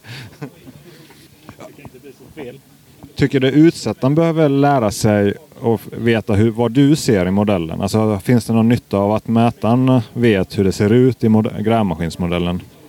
Ja, men det tycker jag nog. Det kan vara bra att han eh, har koll på liksom hur det blir i min ände. Ja. Det kan jag tycka är en viktig, viktig del i det hela. Upplever du alltså att de eh, mätarna som ni har, att de någon gång tittar in i er maskin eller har du, har, vet de ungefär vad ni ser och inte ser? Ja, men det har han ju koll på när vi fjärrsynkar eller när han går in via skärmen själv och ser han ju vad jag ser med i sin dator på kontoret. Ja. Okej, okay, ja, då blir det automatiskt att han liksom får den kollen då? Ja, precis. Jättebra. Tack så mycket. Eftersom vi står i Leica-tältet och du kör i Leica, varför, om, om man nu tänker så här, man får säga att om du vill något positivt, liksom, vad, vad gillar du med Leica och vad tycker du är fördelen med det systemet? Nej, nej men det har väl blivit. Första maskinen var ju Leica eller Scanlaser då och sen har det bara rullat på. Det är det chefen vill köra med. Det verkar inte vara något annat som gäller för vårt företag så det är väl bara att hänga på, hänga på tåget. Det är lika gott skäl som något annat. Tack för att du ville vara med. Så tre intervjuer till där och den här Per Lindborg han var ju en riktigt intressant gubbe. Vad säger du Pontus? Ja visst var han. Det kändes som att han hade erfarenhet. Verkligen. Jag skrev upp några saker där men jag tänker kanske det här med eh, det han nämnde att man måste ha en noggrann projektering och bra modeller. Ja. Och vi pratade lite efteråt också om det där. Och, alltså att det är jättesvårt att få markprojektörer som gör riktiga, alltså att alla fall funkar överallt. Att det triangulerar bra helt enkelt. Ja. Och jag tänker det är väl den rollen som mättekniken har på något sätt eller kommer har och kommer att ha att egentligen projektören kanske aldrig kommer komma dit. Eh, att han triangulerar rätt. Det är kanske inte hans jobb. Utan de har tillräckligt att göra med att tänka på att det ska uppfylla BBR-krav. Alltså allt ifrån kontrastmarkering och ledstråk och räcken och hållfasthet och kollisionskontroller och då är han nöjd med att eh, om parkeringen faller till brunnarna rent teoretiskt. ja, exakt. Och, och, jag tror det, för jag har följt mycket amerikanska um, LinkedIn konton och de har ju flera företag som har bra profiler på LinkedIn som pratar, alltså som egentligen bara bygger datamodeller eller maskinstyrningsmodeller. Ja. Det var en firma, han hade 30 gubbar, de hade byggt 9000 modeller i år skrev han. Det är sjukt mycket modeller. Ja, det är väldigt mycket modeller. Men de gör ju bara modeller. Han skrev någon sån tanke att projektörerna de kommer inte triangulera utan de, de är nöjda att vattnet faller. Och jag tror det blir så. Och som Per säger där att no, modellen, okej okay, han, han, han är ju totalentreprenör, han kan ju anställa folk som kan det där. Och eh, man tjänar ju på det där. Men, men att modellen måste vara bra och då blir det ju att modellen kan användas av alla i arbetet också om vi nu tänker mark. Alltså dels grävmaskinen men sen också den här tanken att arbetsledare och eventuellt gubbar eller anläggarna har GPSer. För att det blir ju som att GPSen blir ju som ett maskinstyrningssystem för en person. Ja, men exakt så. Jag tror det är, det är precis så. Och det, vi har ju pratat om det i båda avsnitten tidigare också. att det, det är ju ett slags, ett slags sätt att sam, samarbeta. Att eh, de har utrustningen och att de får modeller och eh, ja, expertis från datasidan synkat kontinuerligt som stämmer med handlingar. Ja, och det är väl ditåt det går om man tänker sig nu Leica släppte den här Icon, var det Icon Excavator är väl lite den tanken att det, du kan ta din handdator Alltså i princip, du, du byter mellan alltså du suddar ut gränsen mellan maskin och stång. Utan du kan ha det på bägge ställen. Och... Ja, och totalstation och allt. Alltså det, det är en lösning för äh, egentligen alla de Icon-produkterna. Okej, okay, även för totalstation? Ja, det är, ja. det är liksom samma, det är ju samma handdator och så har du ju, ja men, du har ju maskinstyrning till hyvlarna, då vill du ju gärna ha totalstation många gånger. Ja, det är sant. Eh, så då, ja, de egentligen bara, bara, nu ska jag inte förenkla detta, men, men eh, det ser ut som, och som jag har förstått det, så har de sett till så att den även är komp alltså handdatorn och mjukvaran som man har haft i totalstation och eh, GPS är kompatibel även med maskiner. Och får ett annat interface då när man kopplar in den i fästet. Det är ju sant att det är ju det vi är inne på. Alltså det är ju Ja, det är exakt. Vilken sensor är det i slutändan? Är det en, är det en skopa eller är det en miniprismaspets? eller något däremellan? Exakt. Men jag, jag tänkte också på det, just den här eh, den kommentaren där med att projekteringen är viktig och att det kanske är svårt. Ja, men det kan också vara svårt att, att, och få projektörer att bli riktigt duktiga för att de rätt som det gör de något annat eller det var de kanske inte ens de kanske inte ens tog sikte på att bli projektör utan de vill bli något annat men det är en språngbräda. Och den, det tror jag är eh, också en sån grej, och det har du nämnt flera gånger också, det här med att det kanske inte är, det, det kan vara lite flådigt att vara arkitekt eller konstruktör och sådär, men för du kan ju dessutom kolla på dina verk efteråt, men eh, grejerna som ligger nere i backen, och eh, där bara det vi slänger i handf handfat och toalett ska försvinna iväg genom. Det är inte lika flashigt och det syns inte och det, det har blivit någonstans, eh, som du sa, fulankungen eh, generellt. Och det, jag, jag, jag var på en kurs, det är förra veckan, och då, då sitter det folk från alla möjliga stora företag. Det är ju de, det är ju de här stora, alltså Sweco, Afree, Covi, ja, det är stora drakarna. Och många av dem hade ju inte jobbat jättelänge utan de gick kursen för att, som en startkurs. Jag gick den mer som en refresh. Eh, det här var ju civil. Eh. eh, ja, precis. Exakt. Och då är den allmänna kommentaren när vi tar vår tio kaffe där att min fråga var ju lite, ja, hur valde ni att bli detta? Med, just med tanke på att det kanske, ja, hur, hur bestämde du dig för att jobba med detta? Och all, nästan alla var fokuserade via. Och då, då säger någon där att ja, nej, men det, det blir väl bara så. så. Så får vi väl se. Projektera gör man ju inte hela livet. Och då säger nästa, nej så har jag också förstått det som. Man kanske jobbar med det ett, två, tre år och sen så gör man ju annat. Aha. Och då sitter alla och bara nickar och håller med. Så jag, det känns som att det var den allmänna inställningen i det rummet att det här var min instegsport då känner jag att det inte är konstigt att det är bristande handlingar när det kommer till mark och VA. Så jag, ja, det, och det där är ju ett bekymmer. För jag menar, så, frå, och så frågar de ju mig lite så här, ja, du då?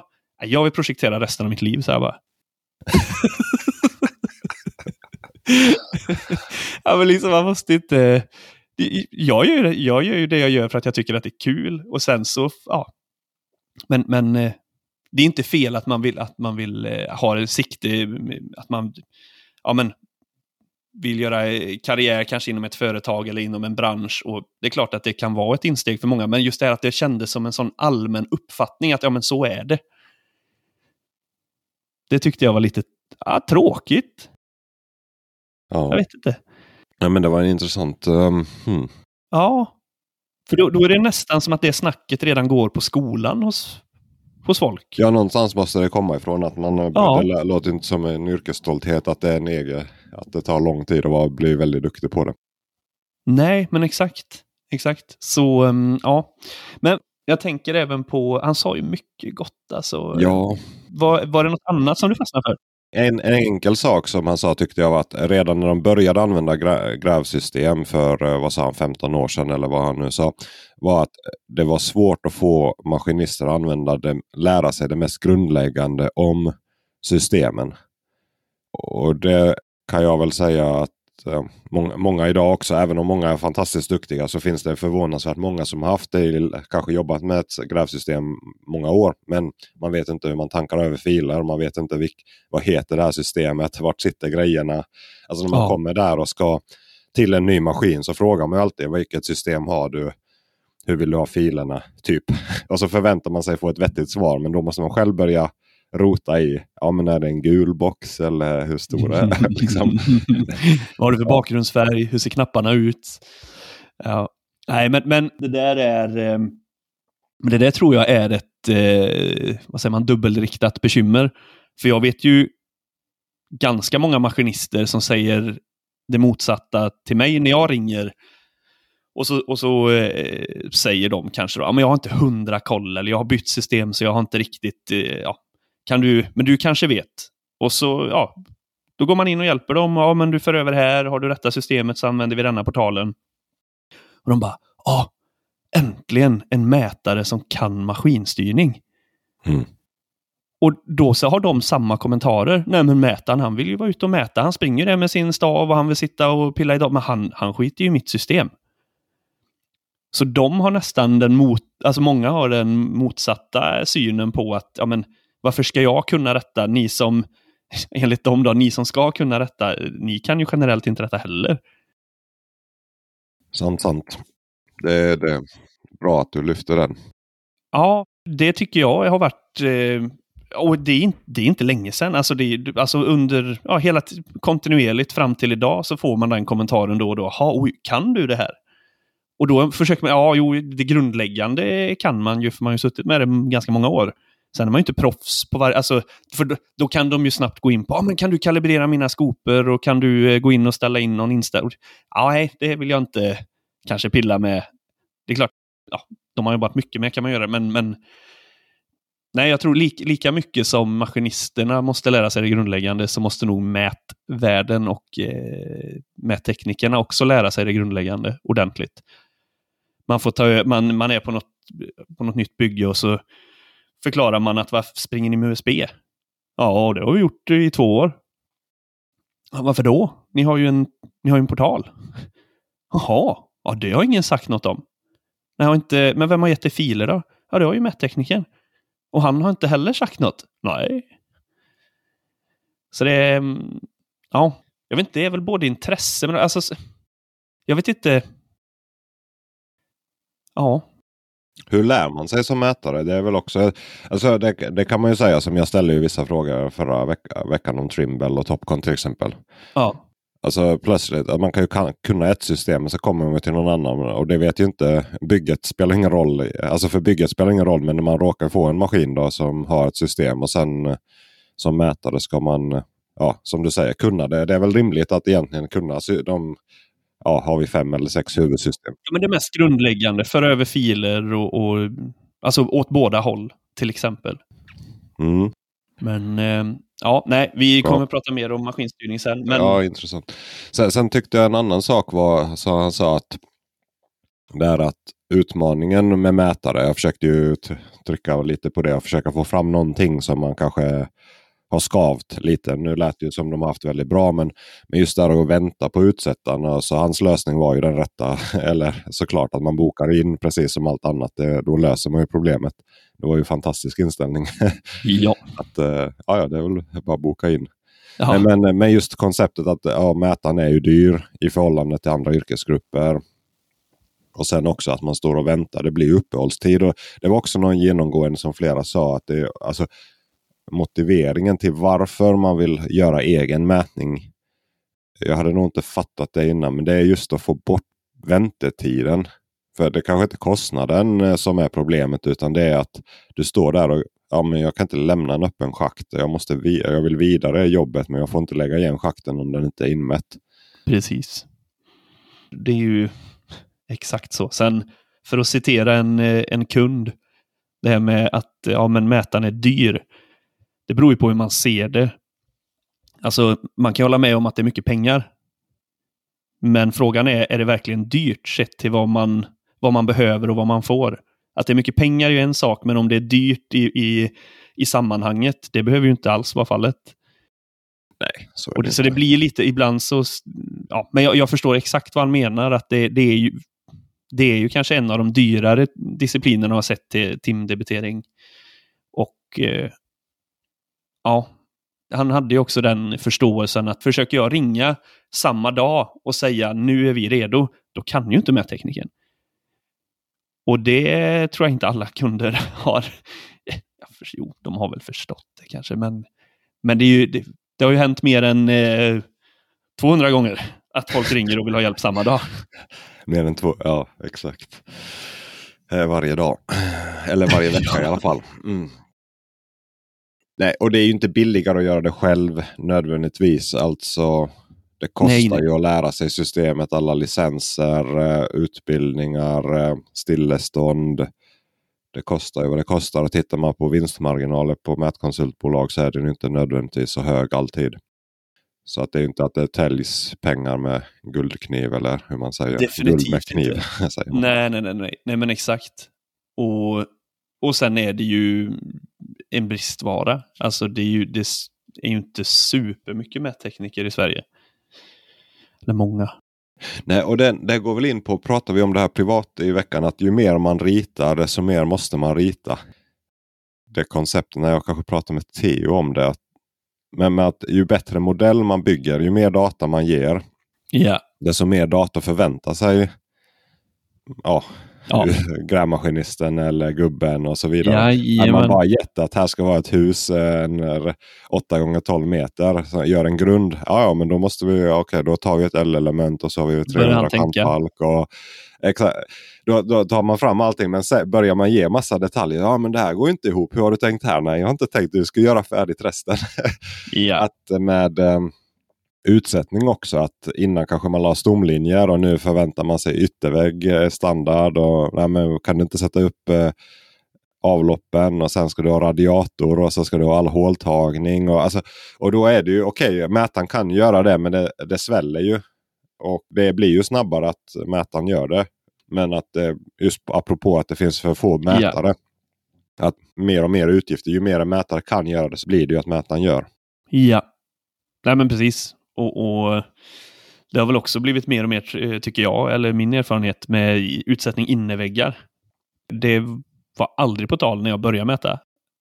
Och nu tycker jag man hör det på var och vartannat bygge. Ja, vi funderar på om ni ska sätta, sätta eh, inneväggarna. Så det, det är också en sån, ja men som du säger, det blir mer och mer. Ja.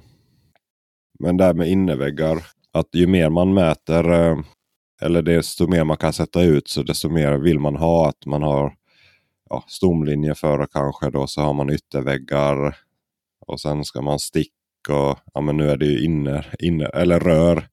Invändiga rör och radiatorer och kan du sätta ytterfönster och jag vet inte vad du... Ja men exakt.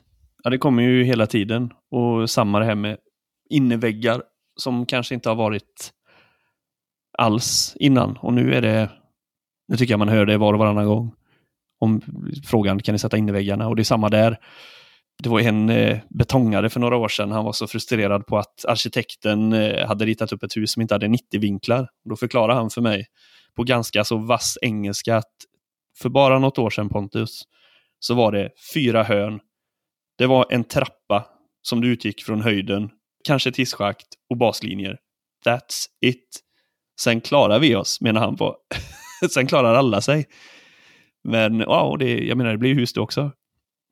Men eh, ja, det är väl jättebra. Outnytt, då är vi tillbaka på att utnyttja tekniken som finns och, och, det är ju någon som har varit lite mer säljande när han har varit på ett bygge och bara ska jag verkligen bara sätta stomlinjer. Jag kan ju sätta uppstickorna åt det, jag kan ju sätta ytterväggarna. Jag kan, alltså, så det är ju det är ju inte konstigt heller. Så. Ja, ja, det är naturligt. naturligt. Och det är men, bra. Eh, ja, specialisering i allting. Ja, men precis. Men eh, återigen så, så hördes det att han hade att han hade erfarenhet, att han, han har varit med i, i gamet länge. Mm. Snappat ja, upp. Så eh, något, något annat snabbt jag fastnade för det, det var eh, när han sa det att en viktig nyckel för att ett projekt ska funka från start till mål, det är att projektet måste ha en själ. Det tyckte jag var så himla gött sagt, för det, det ligger så mycket i det. Att du måste ha någon drivande, någon eller några drivande som kan visualisera sig projektet från start till mål, som redan innan i projektering och när man spånar idéer kan börja föreställa sig en slutlig produkt och igenom processen ha med de här bitarna. Att ja, men, om vi gör så, då påverkar det vänt och rör. Skulle de kunna, han drog ju ett exempel där med den här, var det, var det en brandstation? Nej, var, nej, det var ambulans. Eh, just det, att det ska vara så sterilt som möjligt. Eh, att man ja, men, lägger rören på andra sidan väggen. Det är en sån här enkel, enkel sak. Och då är vi återigen tillbaka på allt hör ihop. Vi är tillbaka på det här med att, att fler ska kunna visualisera sig vi pratar eh, de här portalerna med samlad data i 3D, vi har digitala tvillingar och hela BIM-världen. Det finns ju ett syfte med det.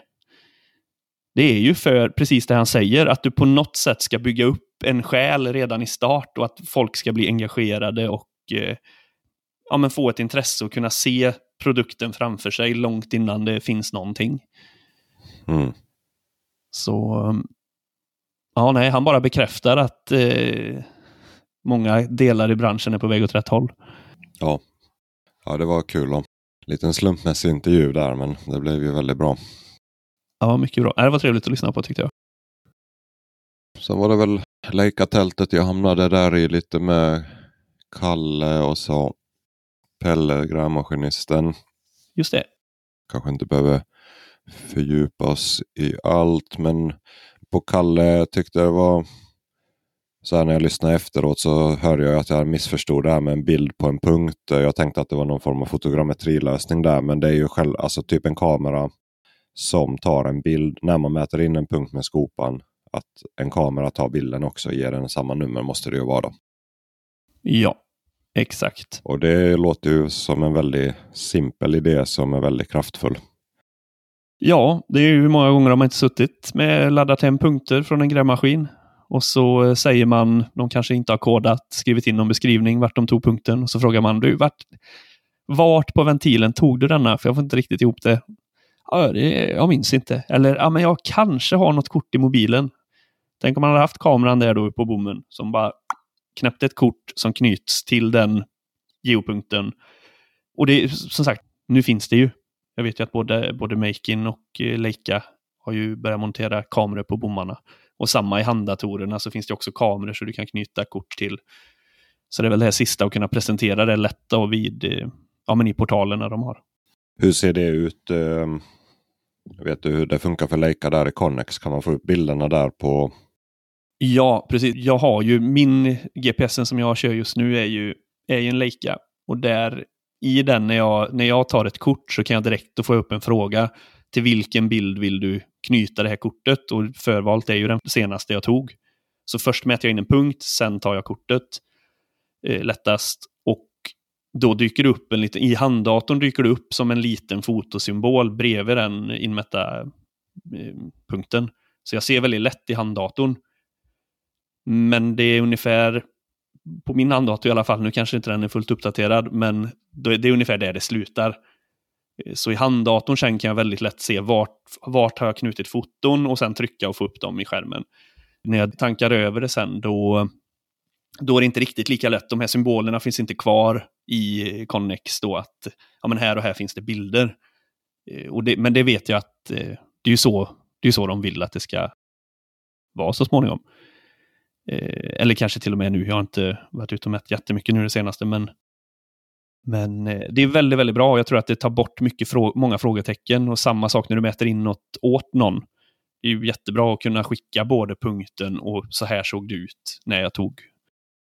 Det kravställning, kravställning, kravställning. Det är ju inget orimligt krav egentligen att få en bild på varje inmätt punkt. Någon autoregistrerad. Så länge du jobbar på platser som tillåter det. För det har jag också varit med om många gånger nu det senaste med ja, men, om du jobbar för eh, specialförvaltningar eller om du jobbar för ja, men något större eh, vad säger man, eh, märke. Ja, men till exempel är du inne och jobbar för Volvo eller är du inne på SKF. Eller, ja, du får inte fota hur som helst. Du kanske inte ens får fota överhuvudtaget. Ja, men jag vill bara ta foto ner i min, i min grop. Nej, det är fotoförbud. Så det är då. Men, men absolut, att, att ha, det är absolut inget orimligt krav för att eh, ta bort. Nej, det påvisar ju fotots effekt i dokumentationen om man inte får fota överhuvudtaget men du får mäta. Exakt. Fotot har ju mycket mer information. Eh, jag bara ja. tänker så här hur mycket, alltså förr använder man ju fält. Egentligen, egentligen ska man ju ha någon fälthandbok idag också om man läser HMK. Tänker jag om man tolkar det. Så egentligen ska man ha mycket metadata, att man antecknar mycket. Mycket, mycket kan man i totalstationen ja. anteckna väder och sånt där. Men sånt ska man egentligen ha med om man följer en god mätsed. Exakt. Lite anteckningar hur man mätte och om man tänker sig punktskisser för Lantmäteriets eller de här riksfixarna som finns. Där är ju en, en punktskiss av 20 meter därifrån. Och så. Men tänk att ha en bild eller ett ortofoto på det. det. Det hade ju varit så mycket bättre. Ja, jättebra. Superbra. Så bilder är väldigt värdefulla. Ja, väldigt, väldigt värdefulla. Var det något annat där du tänkte på med hans eh, lite genomgång med ja, men kanske Icon-produkterna där. Ja, e- ena helt kort vad jag tyckte var fascinerande lösning där, vad kallar det, awareness-systemet. Men att man har typ en sensor på, på sig och sen kommer det upp i grävmaskinen. Att det blinkar till att man är för nära i baken och egentligen blir det, det kan till och med vibrera eller det blir rött och ja, gult är en varningszon. Jättebra system alltså på en stor arbetsplats och en trång arbetsplats. Det är hemskt att ha folk som springer runt grävmaskinen. Och ja, ja, ja. Då kan man som arbetsledning också styra upp det där och säga hallå den här gubben han är ju livsfarlig. Han får vi göra oss av med. Eller, ja eller ja, prata med och följa upp. att Man ser, man ser helt enkelt statistik och som man säger att i gruvindustrin så är det här säkert betydligt mer standardiserat. Eh, men när man har stora dumprar, då, de märker ju inte ens om man skulle köra över någon. Nej, nej, nej, nej. Nej, men det är väl jättebra. Och sen, eh, jag vet att de har även visat lite, du kan ju till exempel, för han, han sa ju det att man sätter en, det är som en sändare som man har, så det är ju mottagare och sändare egentligen som, som jobbar. Och den sändaren, mottagaren måste ju inte bara vara en maskin, alltså den kan ju vara i en personbil om det är någon som åker mycket, någon arbetsledare som åker på något stort bygge. Men jag tänkte även på eh, en bra grej vi pratar ju om eh, säkerhet för våra, vår utrustning. Du kan ju klämma på en sån, sätta en sån på stativet till eh, totalstationen till exempel. Så eh, undviker du det här som jag tror händer också ett par gånger om året, att de blir överkörda. Ja, den var ju bra också. Det är sant att den, då kan man få en tydlig varning där. Ja, man får se. Det lär ju bli, om man har handskar och sol, inte solglasögon, skyddsglasögon som standard på stora arbetsplatser så kommer ju det här säkert också vara en given standard framöver. Ja, det är, men så det, är, det är en bra tanke att man ändå försöker ja, men, koppla ihop all teknik som utvecklas med säkerheten.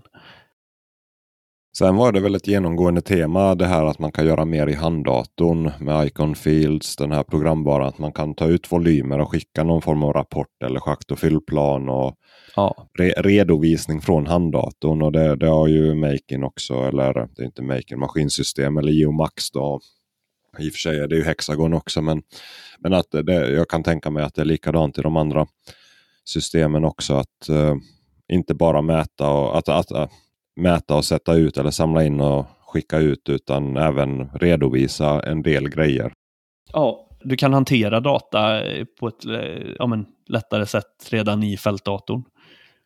Det, jag har ju testat lite grann och, och, och, och göra, försöka göra, ja, men, som han pratade om, lite volymberäkning och, och göra någon rapport. Och, Man kan göra lite eh, XYZ-kontroller mellan utsatta punkter och inmätta punkter och göra rapporter på det. Och även skissar, alltså rita, rita upp i handdatorn, lite som vi har pratat om med maskinisterna också, att många maskiner idag, de flesta systemen idag, kan du ju ändå göra lättare modeller i maskinen direkt. Du måste inte ha fått något, utan vet du, vet du förutsättningen så kan du skapa det direkt i, i din eh, mjukvara. Och så, så är ju handdatorerna också. Och det, det är samma där, det, det blir ju väldigt mycket, det har ju blivit mycket, mycket lättare att eh, göra det man märker ju att det finns ett, ett tryck från alla de här eh, ledande aktörerna att man ska, kun, man ska inte vara helt låst. Du ska inte bara kunna vara alltså den som, som du sa, samlar in och sam, eh, ja, skickar ut data, utan du, du ska kunna ganska snabbt när någon frågar, ja, men, oh, hur, hur många kubik var det nu då? Eller eh, hur långt var det? Kan du, ja men om jag har den höjden där, kan inte du eh, göra ett fall, jag vill ha ett fall mellan den punkten och den punkten. Du ska kunna göra det smidigt ute i fält direkt. Och det, ja, jag, jag, tyck, jag tycker att det är jättebra. Sen, så, sen var ni tryckte ju på det båda två lite, det här med komplement och det är ju precis vad det är. Det är ju exakt det, alltså du, det kommer ju aldrig bli jämförbart med en eh, 100 000 kronors licens på datorn. Men eh, fortfarande väldigt, väldigt bra. Har du testat något med att köra i handdatorn? Ja, jag hade ju Geom, alltså en Geomax eh, vad heter den, Zenit 60 på prov eh, här några veckor. Jag testade, inte ett skarpt projekt, bara hemma rita upp liksom på en lite, liten platta här om man skulle gjort nytt hus. Och ja, exakt. Mängda det och ja, ja, det funkar bra. just, just, att jag såg det att det, det, är väldigt smidigt att göra en liten modell i handdatorn. Och, precis som i CAD, enklare. Alltså, du har inte en mus men du kan ändå offsetta och flytta och höjdsätta linjer och du kan triangulera och du kan, ja, du kan skapa data och du kan också skicka iväg det på ett mejl som en rapport. och då är ja, Jättebra. Ja, jag håller med. Jag håller med. Att eh, mycket, mycket är ju enkelt, även det man gör i kontorsprogramvaran. Alltså det, det är klart, ska du nätutjämna, ska du ha mycket mätdata, projekteringsinmätning, du måste beräkna punkter, du måste sammanställa mycket och sånt där. Men många anläggningssaker är ju väldigt, väldigt simpla. Eh, som en högmängning är ju som typiskt exempel. Att bara gå runt du har ju all data där i fält och Du mäter det och sen går du en ring runt det och sen vill du bara köra dem mot varandra. Det är jobbet. Ja, men precis. Sen vet inte jag, nu kanske blir väldigt produktspecifikt, men, men Geomaxen, hur jobbar den när du mäter in punkter där? Jobbar den med, eh, alltså lägga, eh, sparar den det i en databas och så exporterar du ut det i de format du vill? Ja. Ja, för det tycker jag ju också är superbra att de, de går åt det hållet eh, allihopa. För det, då är vi tillbaka på det här med separata filer eller ja, hur du nu ska jobba. För det, det kan ju hända, det är också en sån grej som inte, då begränsas man inte ute med handdatorn, för då kan det ju vara att, ja men gör detta, kan du skicka det som en DXF till mig? Ja, det kan jag göra. Eller kan du skicka det som en CSV eller kan jag få det som en land XML? Du kan, du kan göra den exporten och den eh, fil konverter, eller det är ju inte ens en konvertering, eller ja. Alltså, du, du, ex, du exporterar det i det format du vill. Ja, väldigt, väldigt smidigt. Jag tycker det. Men sen träffar du en eh, grävmaskinist också? Ja. Kontentan där var väl att kommunikation, bra kommunikation. Han hade inte så mycket synpunkter. Det var väl han hade. Det, det funkade bra på hans, med hans utsättare och de jobbar på samma firma och de pratar med varandra. och anläggaren hade ritningar. Och, så det fanns inte så mycket krångel. Jag försökte ju trycka på lite olika saker men det, var, nej, det lät som de hade ett system och det funkar. Och de har haft GPS också, arbetsledarna i tio år och grävmaskinsystem i längre än så. Förmodligen så är ju det här väloljade maskineriet eh, ett resultat av att det har kanske vi måste bli bra på kommunikation. Det är nog bra att jag har ritningar i maskinen det är väldigt bra att ha en egen mätare på företaget som bygger modeller. Så det är ju ett resultat av att saker kanske inte har funkat jättebra. Men det, var ju, det är skönt att höra att det är... Ja, eller, eller att man har en eh, bra kultur från början där man eh, tar ansvar för det man gör. Och ja. alla, man har gubbar som tänker och vill göra ett bra jobb i alla led. Då. Absolut. Ja, ja, nej, absolut. absolut. Men nej, jag håller med, det lät, eh, det lät som att de hade ett bra sätt att jobba. Man kan lyfta en sak som jag funderar på där. Om det skulle bli fel i anläggningsmodellen eller grävmaskinsmodellen, vems fel är det? Där finns ju många saker att tänka på. Pelle vill ju ha bygghandlingen i handen. Och det, det, är ju den man bygger efter. Det är ju den som är den juridiskt kontraktuella biten mellan beställare och utförare. Då. Vad har du för tankar kring vems fel är det om utsättaren gör fel grävmaskinsmodell? Alltså vilket granskningsansvar har entreprenören? För det är ju en tolkning av bygghandlingen. Som, som bygghandlingen är en tolkning av verkligheten eller tänkt lösning. Så är ju grävmaskinsmodellen en förenkling av bygghandlingen. Och det är ju lätt att det blir fel. Ja, min erfarenhet är ju att det spelar ingen roll vad som händer på bygget. Det är alltid utsättarens fel. Men om man ja. drar det till domstol eller försäkringssak, vems fel är det då? Eh, det är väl nästan alltid två parter. Första svaret, eller vad jag... Så, men, men nej, jag, jag förstår exakt vad du menar. För det, det, är ju samma sak där som med allt annat. Om en projektör ritar en perfekt ritning, den är, alltså det han har gjort är 100% rätt, men den är svår att tolka. Så någon tolkar den fel och därmed blev det fel. Han har ju fortfarande ritat den rätt. Men den var svår att tolka. Samma sak med, ja men vi säger då utsatta punkter. Jag, jag får ju ta ansvar för att hela mitt jobb är rätt och att punkten sitter där den ska. Sen om någon inte följer den punkten, det, blir, för det, det, det kommer ju bli ord mot ord där också om man gjuter igen ett valv och så står saker fel. Ja, men vi följde utsättning ja, men, och så då tillbaka på egenkontroller, att ja, men, då kollar man sitt och de står ju fortfarande kanske och hävdar att ja, men vi, vi följer din punkt. Och det är också så här, ja, men vems fel, fel är det? Eller maskinmodeller, samma sak. Som, exakt som du säger, det är en förenkling av och det, det är en tolkning av. Och sen, hur kan bygget garantera att i det fallet då kanske maskinisten 100% följde modellen? Var det modellen som var fel eller frångick han modellen? det, det, finns så många parametrar när saker blir fel och det är väl det jag menar med att det är, väl, det är väl också därför som det sällan blir en hundraprocentig fördelning om det blir en riktig twist. Det bästa är att undvika att det blir en twist helt enkelt. ja, och då är vi tillbaka på, på det som genomgående här med, med kommunikationen är ju kanske det absolut viktigaste och sen ja, igen det här med visualiseringen. att eh, man på ett enkelt sätt, du frågar ju där bland annat hur får du något, hur du kan se, alltså så du kan se modellerna typ i telefonen eller så. Det tror jag också är en jättebra grej att man på något sätt jag vet ju att i många system så kan du ju snurra runt i 3D och se modellerna. Men då gäller det ju kanske att du har släckt ner alla linjer och alla bakgrundsritningar så att den är tydlig så det inte svävar saker som stör.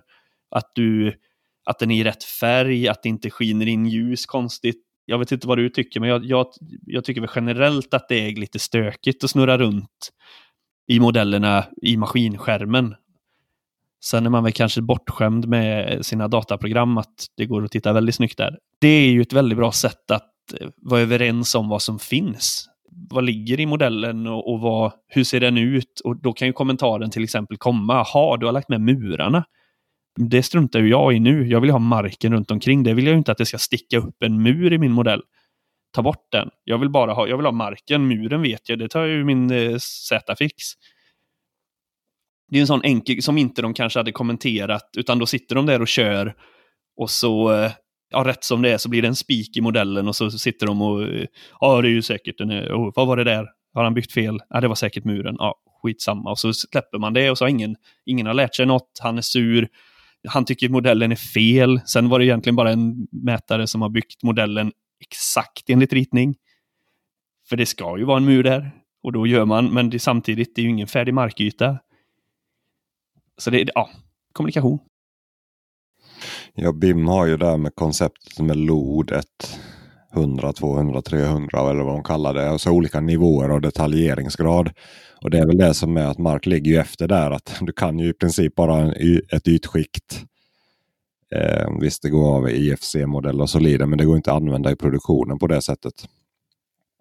Utan det är ju en yta och då måste man ju bestämma sig vad representerar man på den ytan och balansera det med kostnaden och göra den modellen. Är det värt att göra den modellen eller löser man det på plats? Exakt. Ja, det, det är en problematik som inte är löst.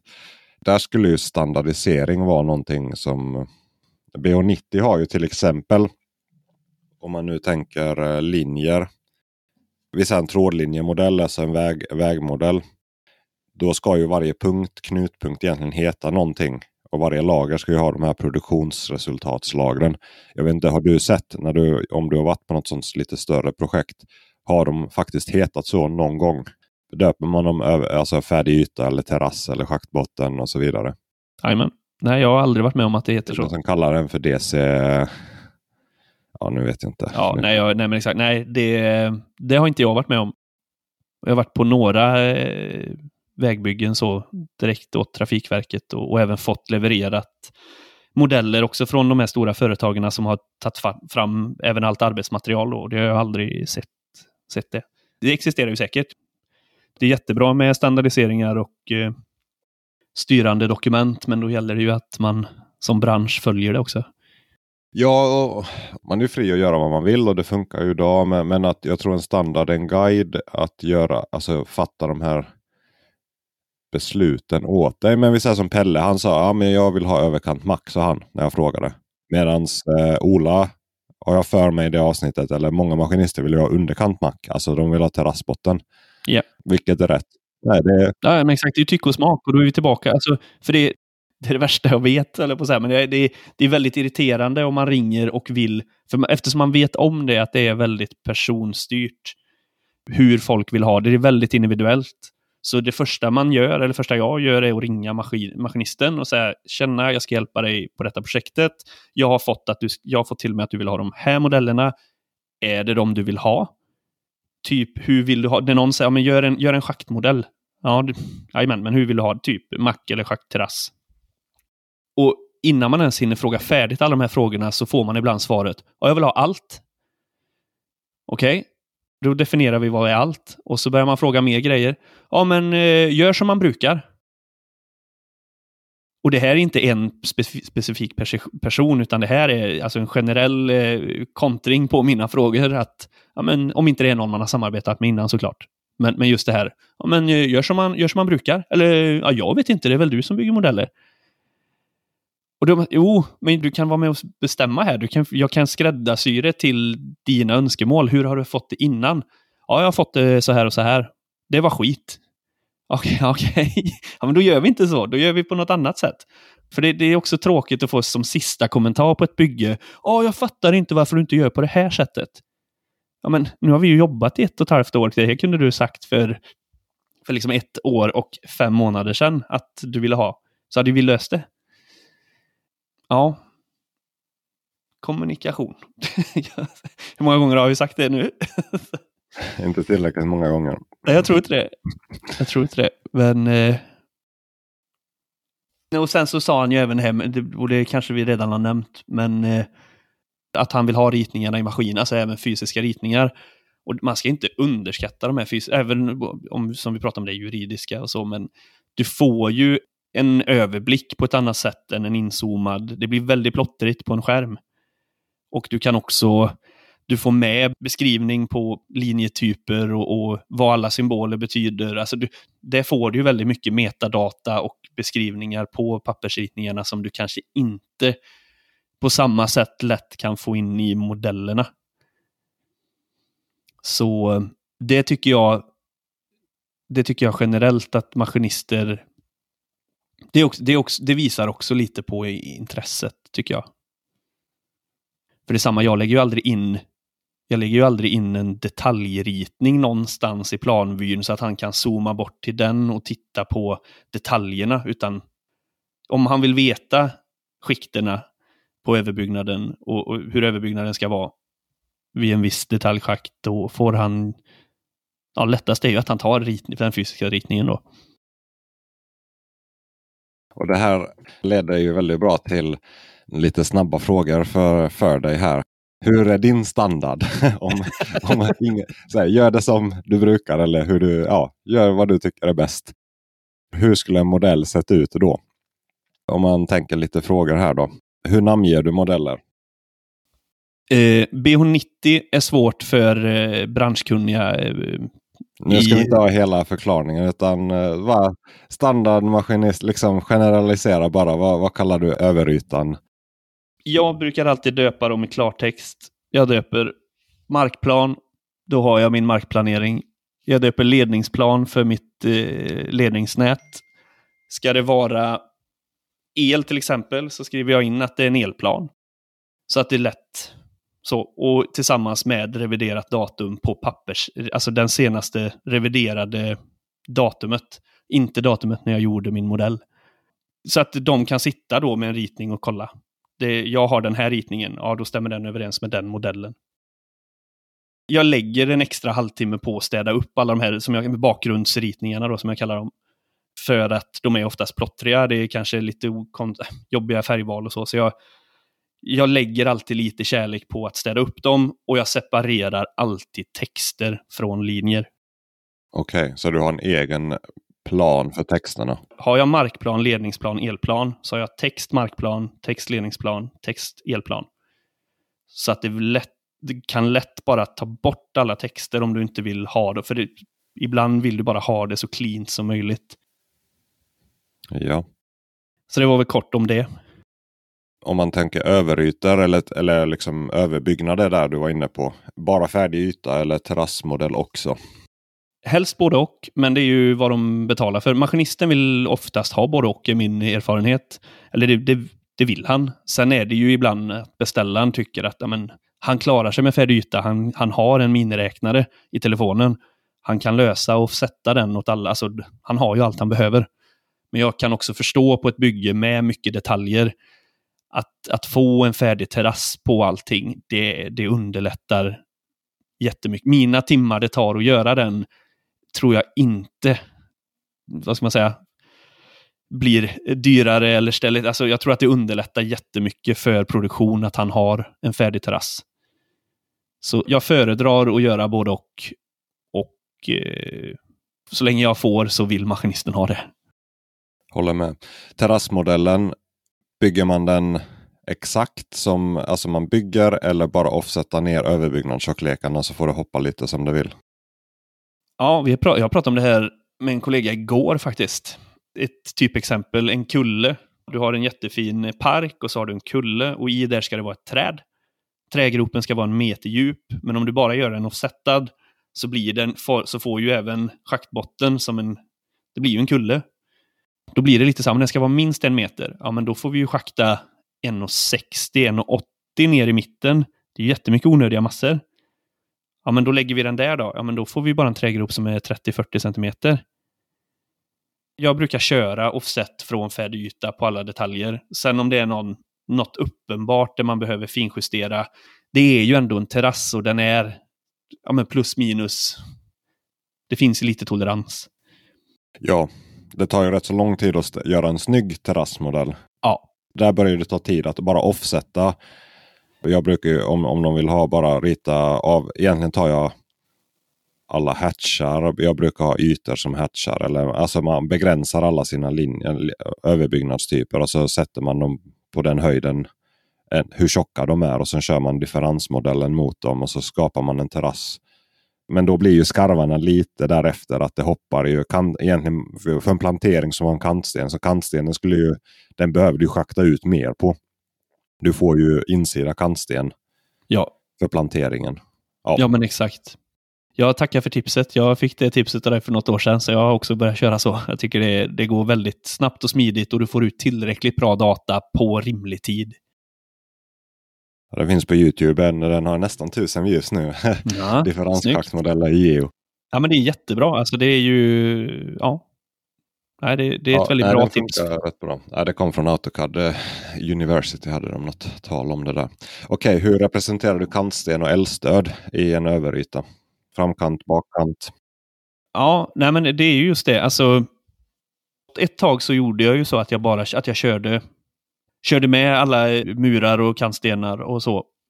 Nu försöker jag mer att köra markyt. Ett L-stöd är ju en sak. Där har du ju en, en det får du ju, där kör jag fram och bakkant och så blir det slänt därefter. Men jag ritar inte upp exakt och så med visning på eldstödet. Alltså, det är inte det viktiga, utan det viktiga är marknivåerna. Samma sak där det är kantstenar och murar. Du har en kantstenshöjd framkant, nederkant och du har en visning på den och en yta som möter på ovankant. Däremellan släntade. Då har du dina markhöjder. Du sa fram, alltså överkant, framkant på kantstenen eller? Nej, nederkant, eh, framkant. Och sen bakkant, överkant ja. Exakt. Och så blir det som en eh, halvskuren kantsten i... Ja, Ja, så gör jag också. Man tar grunden, överkant eller underkant mack, om de inte säger något.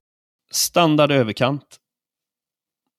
Gör jag. Och det gör jag för att det oftast är där det är fler differenser än vad det är på schaktbotten. För du bygger ju med cellplast, och, du bygger med makadam och med cellplast. Och för att de ska få så lite huvudvärk som möjligt räkningsmässigt så har du oftast en standard på makadammen. Den, ja men det ska vara 150, säger vi. Eh, men du har cellplast som lever hej vilt. Så du får fler höjder att hålla koll på. Och då... Min erfarenhet är att de flesta vill ha färdig mack. Eh, Gör jag det så brukar det inte komma frågor. Bara man säger exakt vad det är och döper det till att det är en färdig mack. Gör jag en schaktbotten så får jag 50% av gångerna frågan kan du även göra färdig mack? Och då har de bett om schaktbotten först. Så därför, för att svara på din fråga kort, jag är dålig på att svara på frågor kort, eh, så är det, om inte de säger något annat, och jag ställer alltid frågan, om de säger, jag vet inte, vad brukar man vilja ha? Nej, men de flesta vill ha färdig mack, säger jag då. Det, så här, det är min erfarenhet av det. Snyggt. Yttervägg. Hur långt förlänger du frischakten, alltså mackmodellen då? Hur mycket drar du ut den utanför faktisk grund? Jag drar den minst 20 cm runt om eh, all betong. Eller cellplast då, det ska man ju också vara lite vaksam för. Det är inte alltid utritat cellplasten i plan utan att du får ha koll på alla detaljer. Men 20 cm fritt och sen en slänt på en tia brukar jag göra. Många gånger så gör jag alla, alla, ners, alla nedsänkningar och eh, förstärkningar i ett lager eller i en, en yta. Och sen gör jag en yta med eh, normalnivå, eller vad ska man säga, på Nu på tar marken. du nästa frågan här. Vet du. Nej, jag Nej, men- på. nej, nej, jättebra. Men då gör du två modeller egentligen. För det är också, ska man baka ihop alla över, eh, överkant och eh, votar i allting igen? Eller kör du två modeller eller tre modeller? Om det är någon jag inte har jobbat med innan så brukar jag presentera att jag tycker att det är bra att ha två modeller. För idag är det väldigt lätt. Antingen får du ihopbakad XML. Eller eh, så att du i hans fil så är det ju fortfarande en modell med två lager. Eller att du kan köra med multipla lager eller filer idag i systemen. Så, för annars har ju det varit ett, ja, men jag vill inte hålla på att trycka mellan modellerna. Jag vill bara gräva. Det är ju den klassiska. Men samtidigt har du djupa alltså, plintar och hissar och sådär. Det försvinner snabbt ytor och sen när de har lagt igen det och ska dra för nästa, då har han ju ingen höjd där. Så.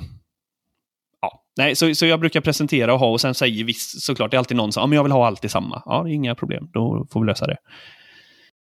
Okej, om man har eh, voter eller fördjupningar då. Har du en slänt eller har du en rak, rak vägg? Jag brukar slänta en tia oavsett, bara så att den inte ska bli spikrak. Utan sen är det ju, som jag sa, har du djupa schakter och kanske lite att ta hänsyn till med belastningar och sånt, då, då om du gör schaktbotten då så får du ju göra den enligt vad som står angiven släntlutning. Men på Ferdi Mac-modellerna där, då gör jag, som jag sa, den här 20 eh, bredare och sen en, en tia släntning mellan släntkrön och släntfot. Då. Ja. Hisschakten är angiven ytterkant betong i kårritningen men så ska du ha lite isolering i botten som drar ut. Hur mycket frischakt lägger du på ytterkant betong på en vot eller en hiss? Nej, jag, jag, i det fallet så tycker jag att cellplasten styr. Det yttersta styr. Du har ju en botten ut till och med det yttersta på ritningen. Yttersta konstruktionselementet. Ja, precis. Det styr. Lägger du frischakt där då? Eller kör du bara teoretiskt? Nej, då, jag lägger frischakt där också. För det, det är det, det värsta som finns är att de behöver gå in och handskyffla. Det är lättare att lägga, putta dit lite material. Så nej, jag lägger frischakt även på det. Hur mycket frischakt lägger du där då? Nej, jag lägger mina 20. Och du kör 20 Ja. som din, eh, ditt mått? Ja. Och jag har kunder som har sagt åt mig kör exakta mått. Jag håller ut. Jag har haft kunder som har sagt vi kör alltid en halv meter fri schakt på allt. Så det är ju, det är ju tycke och smak. Och det, 20 är väl ett bra medeltal där kanske. Ja, jag brukar ha 30 men det, Ja. ja. sånt skulle en standard lösa. Ja. Men samtidigt så skulle det ändå bli att folk tycker saker. jo så. men då vet man att om ingen frågar så ja, men vi följer ja, det. ja. Eh, vad har vi för mer? Eh, slänter för anslutning till befintlig mark. Vi säger du har en grund eller en källa, ett källarplan och så har du din, eh, vad, vad sa du på yttervägg? Säg att du lägger en halv meter frischakt. Använder du lutning? Gör du en slänt till färdig mark eller får de lösa det själv? Nej, men alltså många gånger så gör jag en slänt. Sen löser de det själv ändå. men eh, nej, men jag, jag... Förr gjorde jag det inte. Nu är det inte jättesvårt att göra det. Men när det var krångligt att göra det i, i programmen, då, då kanske jag inte la tid på det om inte jag såg ett större syfte med det. Bra. Det var mina frågor. Jajamän. Ja, nej, men det var bra. Det är lite praktiska svar på dem. Ja. Men eh, ja, nej, vi kommer tillbaka till det hela tiden att det blir väldigt persons, pe- tycke och smak. Vem, hur brukar man ha det? Hur vill man ha det? Hur vill man absolut inte ha det? Det kan ju också vara att man presenterar en ny lösning för maskinisten som de inte har tänkt på. Men när man sitter och pratar med en maskinist i tio minuter så hör man att men vänta nu, om vi hade gjort på det här sättet istället, eller varför, du ska ju ha en sån här fil. Jaha, går det? Ja, det går. Aha, ja det vill jag ju ha.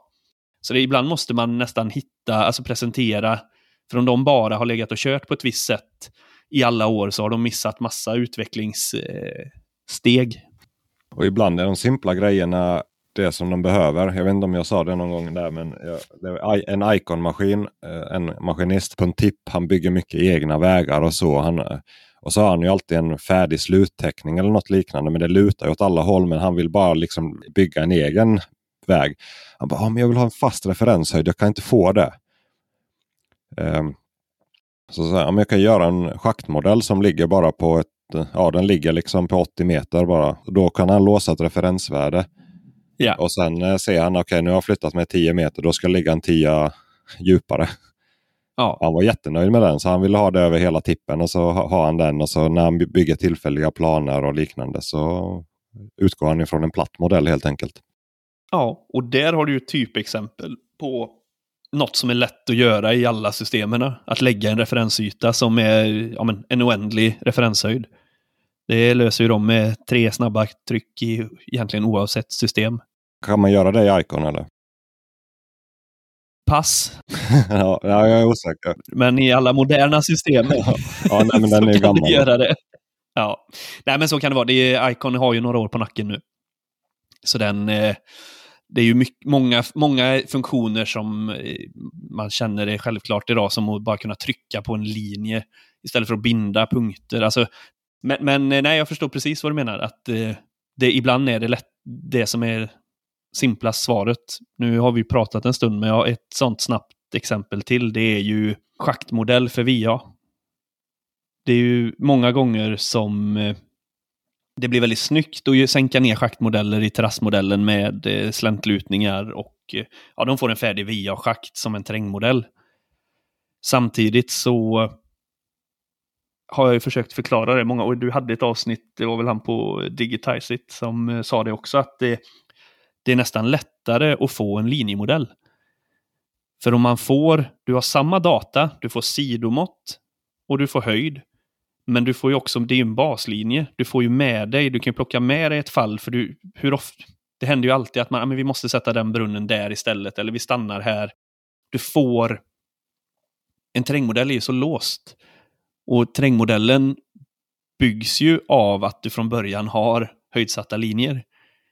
Så det, det är ju dels tidseffektivt i datorn och lite mer flexibelt i maskinen. Sen fattar jag att ja, men, ja, men jag vill ha en schaktmodell och jag vill ha VA nedsänkt och det är jättegött, då kan jag bara gräva. Men det, det händer ju saker, bygget är ju hela tiden levande. Så jag, det är ju också lösningen många gånger att gå tillbaka till det kanske lite simplare med punkter och linjer. Bara en kommentar på samma, samma ämne. Ja, vad bra. Bra. Men då har vi pratat en stund igen. Ja. Så jag tyckte det var det är kul att prata med olika människor. Man får lite intryck.